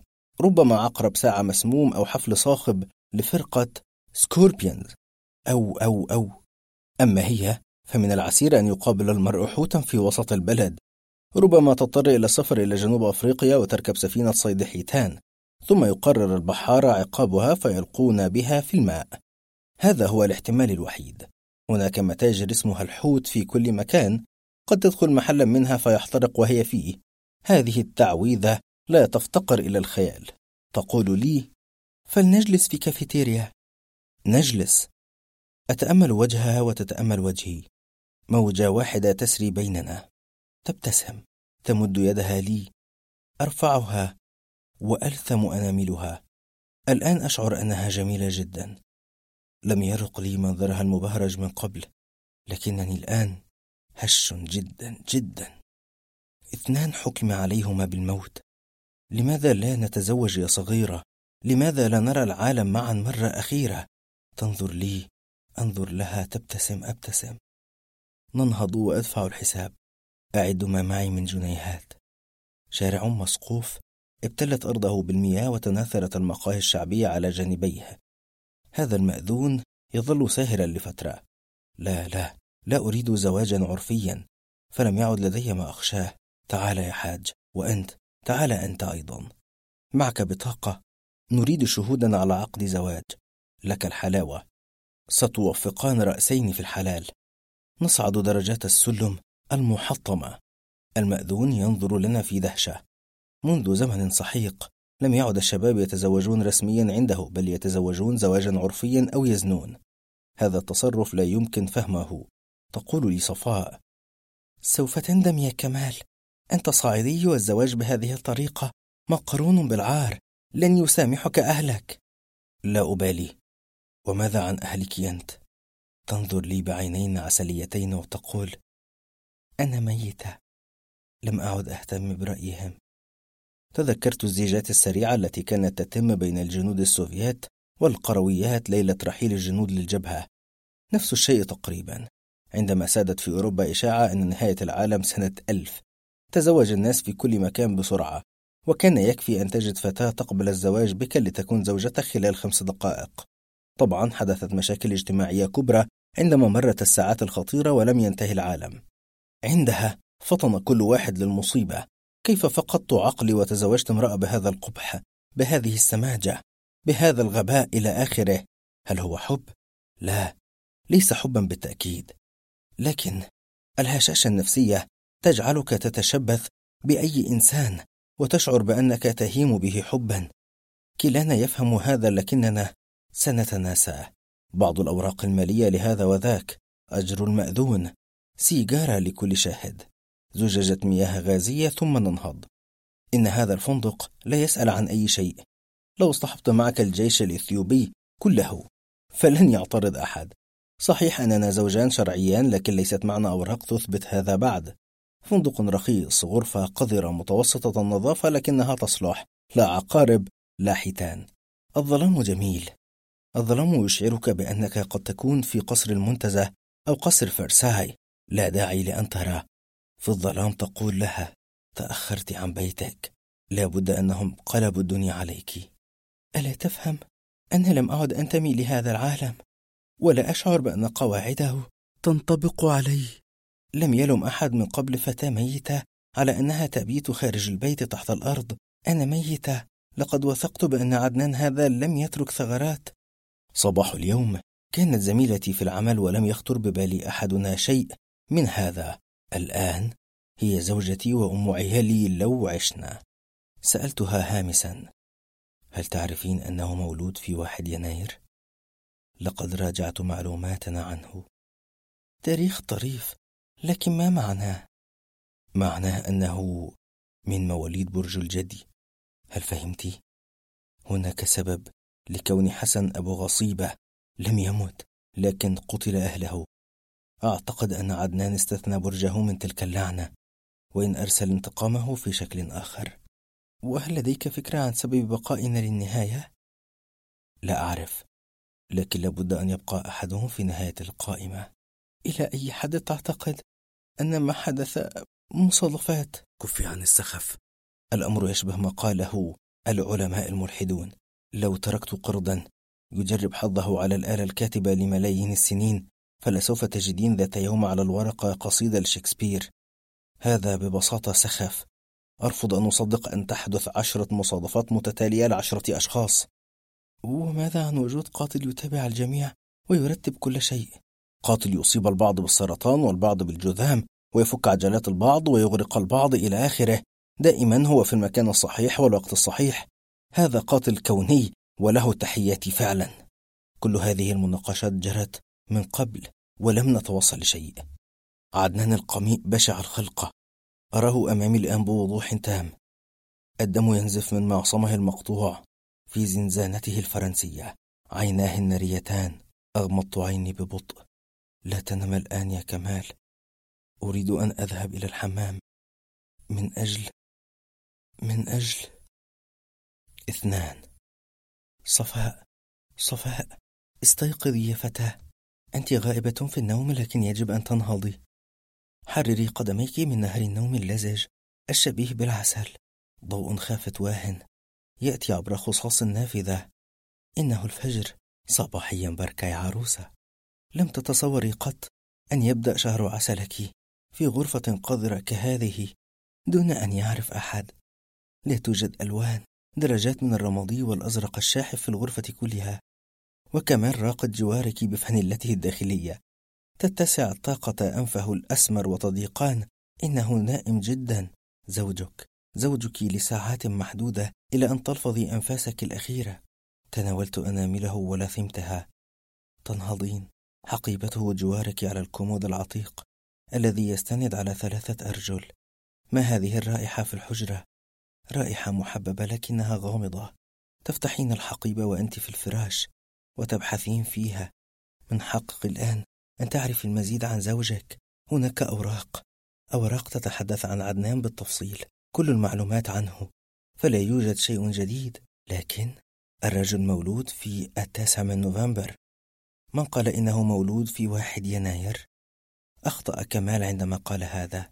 ولكن معنى هذا أن عدنان وكمال من برج العقرب كليهما؟ عدنان لا يمت لبرج الجدي بصلة؟ هناك صور. صور من أرشيف الجريدة. أحد عشر صورة لا أحد عشر محررا ممن تورطوا في قصة عدنان هذه. هذا شيء متوقع ولا غرابة فيه. لكن هذه الرائحة. نهضت في حذر فارتديت ثيابي لأنني كنت بثيابي الداخلية. لم أحضر قمصان النوم ولا شيء على الإطلاق وفتحت الباب. دورات المياه في هذا الفندق مشتركة. وقد تسللت إلى الحمام وبدأت أغسل وجهي. لا شك في أن الرائحة تتزايد. رائحة تذكرك بالشمع المحترق. اتجهت إلى دورة مغلقة وفتحت بابها حيث خيل لي أن الرائحة تأتي منها. هنا وجدت أمامي مشهدا مريعا. لقد استقرت على الأرض المبتلة الزلقة شمعة سوداء تشتعل في بطء وقد قارب نصفها النفاد وعلى الجدار كانت هناك صورة. صورة لي أنا تم تثبيتها بشريط لاصق. هذه الصورة أخذها من الأرشيف طبعا. لقد رقد في الفراش. ينتظر على أمل أن يزيل آثار هذا كله عندما تحترق الشمعة بالكامل. وبالتالي يخفي كل آثار الجريمة لكن النوم غلبه من إرهاق اليوم. شمعة سوداء. تحت صورة هي من وسائل السحر الأسود القديمة جدا. عندما تنتهي الشمعة سوف تخرج الشياطين للظفر بي. عدنان كان بحاجة إلى من يكون بقربنا لهذا اختار واحدا من برجه. اختار كمال وكان على كمال أن يشعل في كل مرة شمعة سوداء تحت صورة الشخص الذي جاء دوره. يشعلها حتى تنتهي. عندها يكون قرار الإعدام قد صدر. فلم يبقى إلا التنفيذ. السحر بالاقتران. هذا وارد. أن شعيرات عديدة تلتصق بالشمعة وتلتف حولها ولا شك أنها شعيرات من رأسي. الوسادة مليئة بها. كمال كان قادرا على الحصول على شيء يخص كل واحد منا. منديل ورقي ألقته فتاة شعر من فتى إلى آخره. عندما قال لي أنا عدنان من برج الجدي كان يكذب ليضللني. هل هو متآمر؟ لا أعتقد. لقد بدا لي صادقا. ربما هو لا يعرف ما قام به. على الأرجح هو لا يعرف. إن روحا شريرة تستحوذ عليه. في رعب مددت يدي وأطفأت الشمع بين إصبعين. ثم رحت أزيل ما التف حولها من شعر بحذر. كانت أمي توصيني بالتخلص من الشعر في دورة المياه وكان معها كل الحق. لو كان هذا صحيحا فكمال هو تجسد لعدنان. يفعل ما أراد عدنان أن يفعله. كمال هو المسؤول عن موت عشرة أبرياء لم يقترفوا ذنبا. عدت للحجرة. كان نائما نوما عميقا كنوم العرسان جميعا. جواره على الكومود كان غطاء معدني صغير. دفن فيه بقايا سجائره. تناولت أحد تلك الأعقاب التي بللها لعابه. فتحت حقيبته وبحثت عن صورته. أخذت علبة الثقاب معي. عدت إلى الحمام. قمت بتثبيت عقب السيجارة على الشمعة السوداء. انتزعت صورتي. مزقتها وتخلصت منها في المرحاض. ثم قمت بتثبيت صورته هو وأشعلت الشمعة من جديد. الشمعة تتوهج. الضوء يتراقص على الصورة والعينين. وقفت أراقب الشمعة وهي تذوب ببطء. ببطء. الصورة تتجعد من الحرارة. لابد أن عشر دقائق كاملة مرت علي وأنا واقف هناك أرمق هذا المشهد. في النهاية انتهت الشمعة فتخلصت منها والصورة في دورة المياه. كان ما زال نائما عندما عدت للغرفة انحنيت فلثمت خده. لو لم أكن حمقاء فهي القبلة الأخيرة. ربما أنا أرمل فعلا منذ ثلاث دقائق. أخذت حقيبتي وتسللت خارجه. كانت الردهة خالية. والكاتب نائما على منضدته في مدخل البناية. أمر أمام الجدران التي ألصقت عليها المرايا وأنظر لعشرات النسخ من وجه الشاحب المرهق الحزين. أخرج إلى الشارع الذي بدأ يكتسب لون النهار. أرى حشدا من الأطفال في ثياب المدرسة يثرثرون. عندها شعرت بأنني أثوب لرشدي. ثلاثة. صفاء. صفاء. أنت حامل يا فتاة. لا أحد يعرف ولا أحد يتصور. القصة المعقدة التي حكيتها عندما عدت للبيت صباحا. كل الكلام الفارغ عن العاطلين الذين اختطفاك إلى شقة مفروشة واستطعت الهرب منهما. البلاغ في القسم وعرض صور المشتبه فيهم عليك. المهم أن أهلك ابتلعوا القصة. كيف لو عرفوا أن ابنتهم متزوجة؟ لو عرفوا أنها أرملة؟ لو عرفوا أنها حامل؟ وأن ابنها يتيم من قبل أن يولد؟ أنت في مأزق على الأرجح. ستحاولين التخلص من هذا الجنين. ليس فقط لأن أهلك لا يتوقعونه ولكن لأنه يحمل شيئا من كمال وبالتالي هو يحمل شيئا من عدنان. كائن كهذا يجب ألا يسمح له بالمجيء للكون كمال قد مات. وجدوه ميتا بعد تلك الليلة بيومين في أحد المقاهي بالقاهرة لم يجدوا علاقة بين موته وأي عقرب لكني أعتقد أننا لو بحثنا لوجدنا علاقة قوية. من المؤكد أن عقربا لم يلدغه لكن يمكنك أن تتخيل أكثر من طريقة مات بها. عقرب ساعة. شريط لفرقة السكوربيونز. منتج اسمه سكوربيو. لا أعرف حقا. إن هذه اللعنة واسعة الخيال. لقد تحررت وسوف أعيش حياة طبيعية قدر الإمكان. لكن السؤال الوحيد الذي سيؤرقني ولن أجد له إجابة هو كيف كان عدنان ينوي أن يقتلني؟ بحوت. استمعتم إلى مصطفى خضر. يقرأ حظك اليوم. تأليف دكتور أحمد خالد توفيق. دار ليلى. صدر عن كتاب صوتي.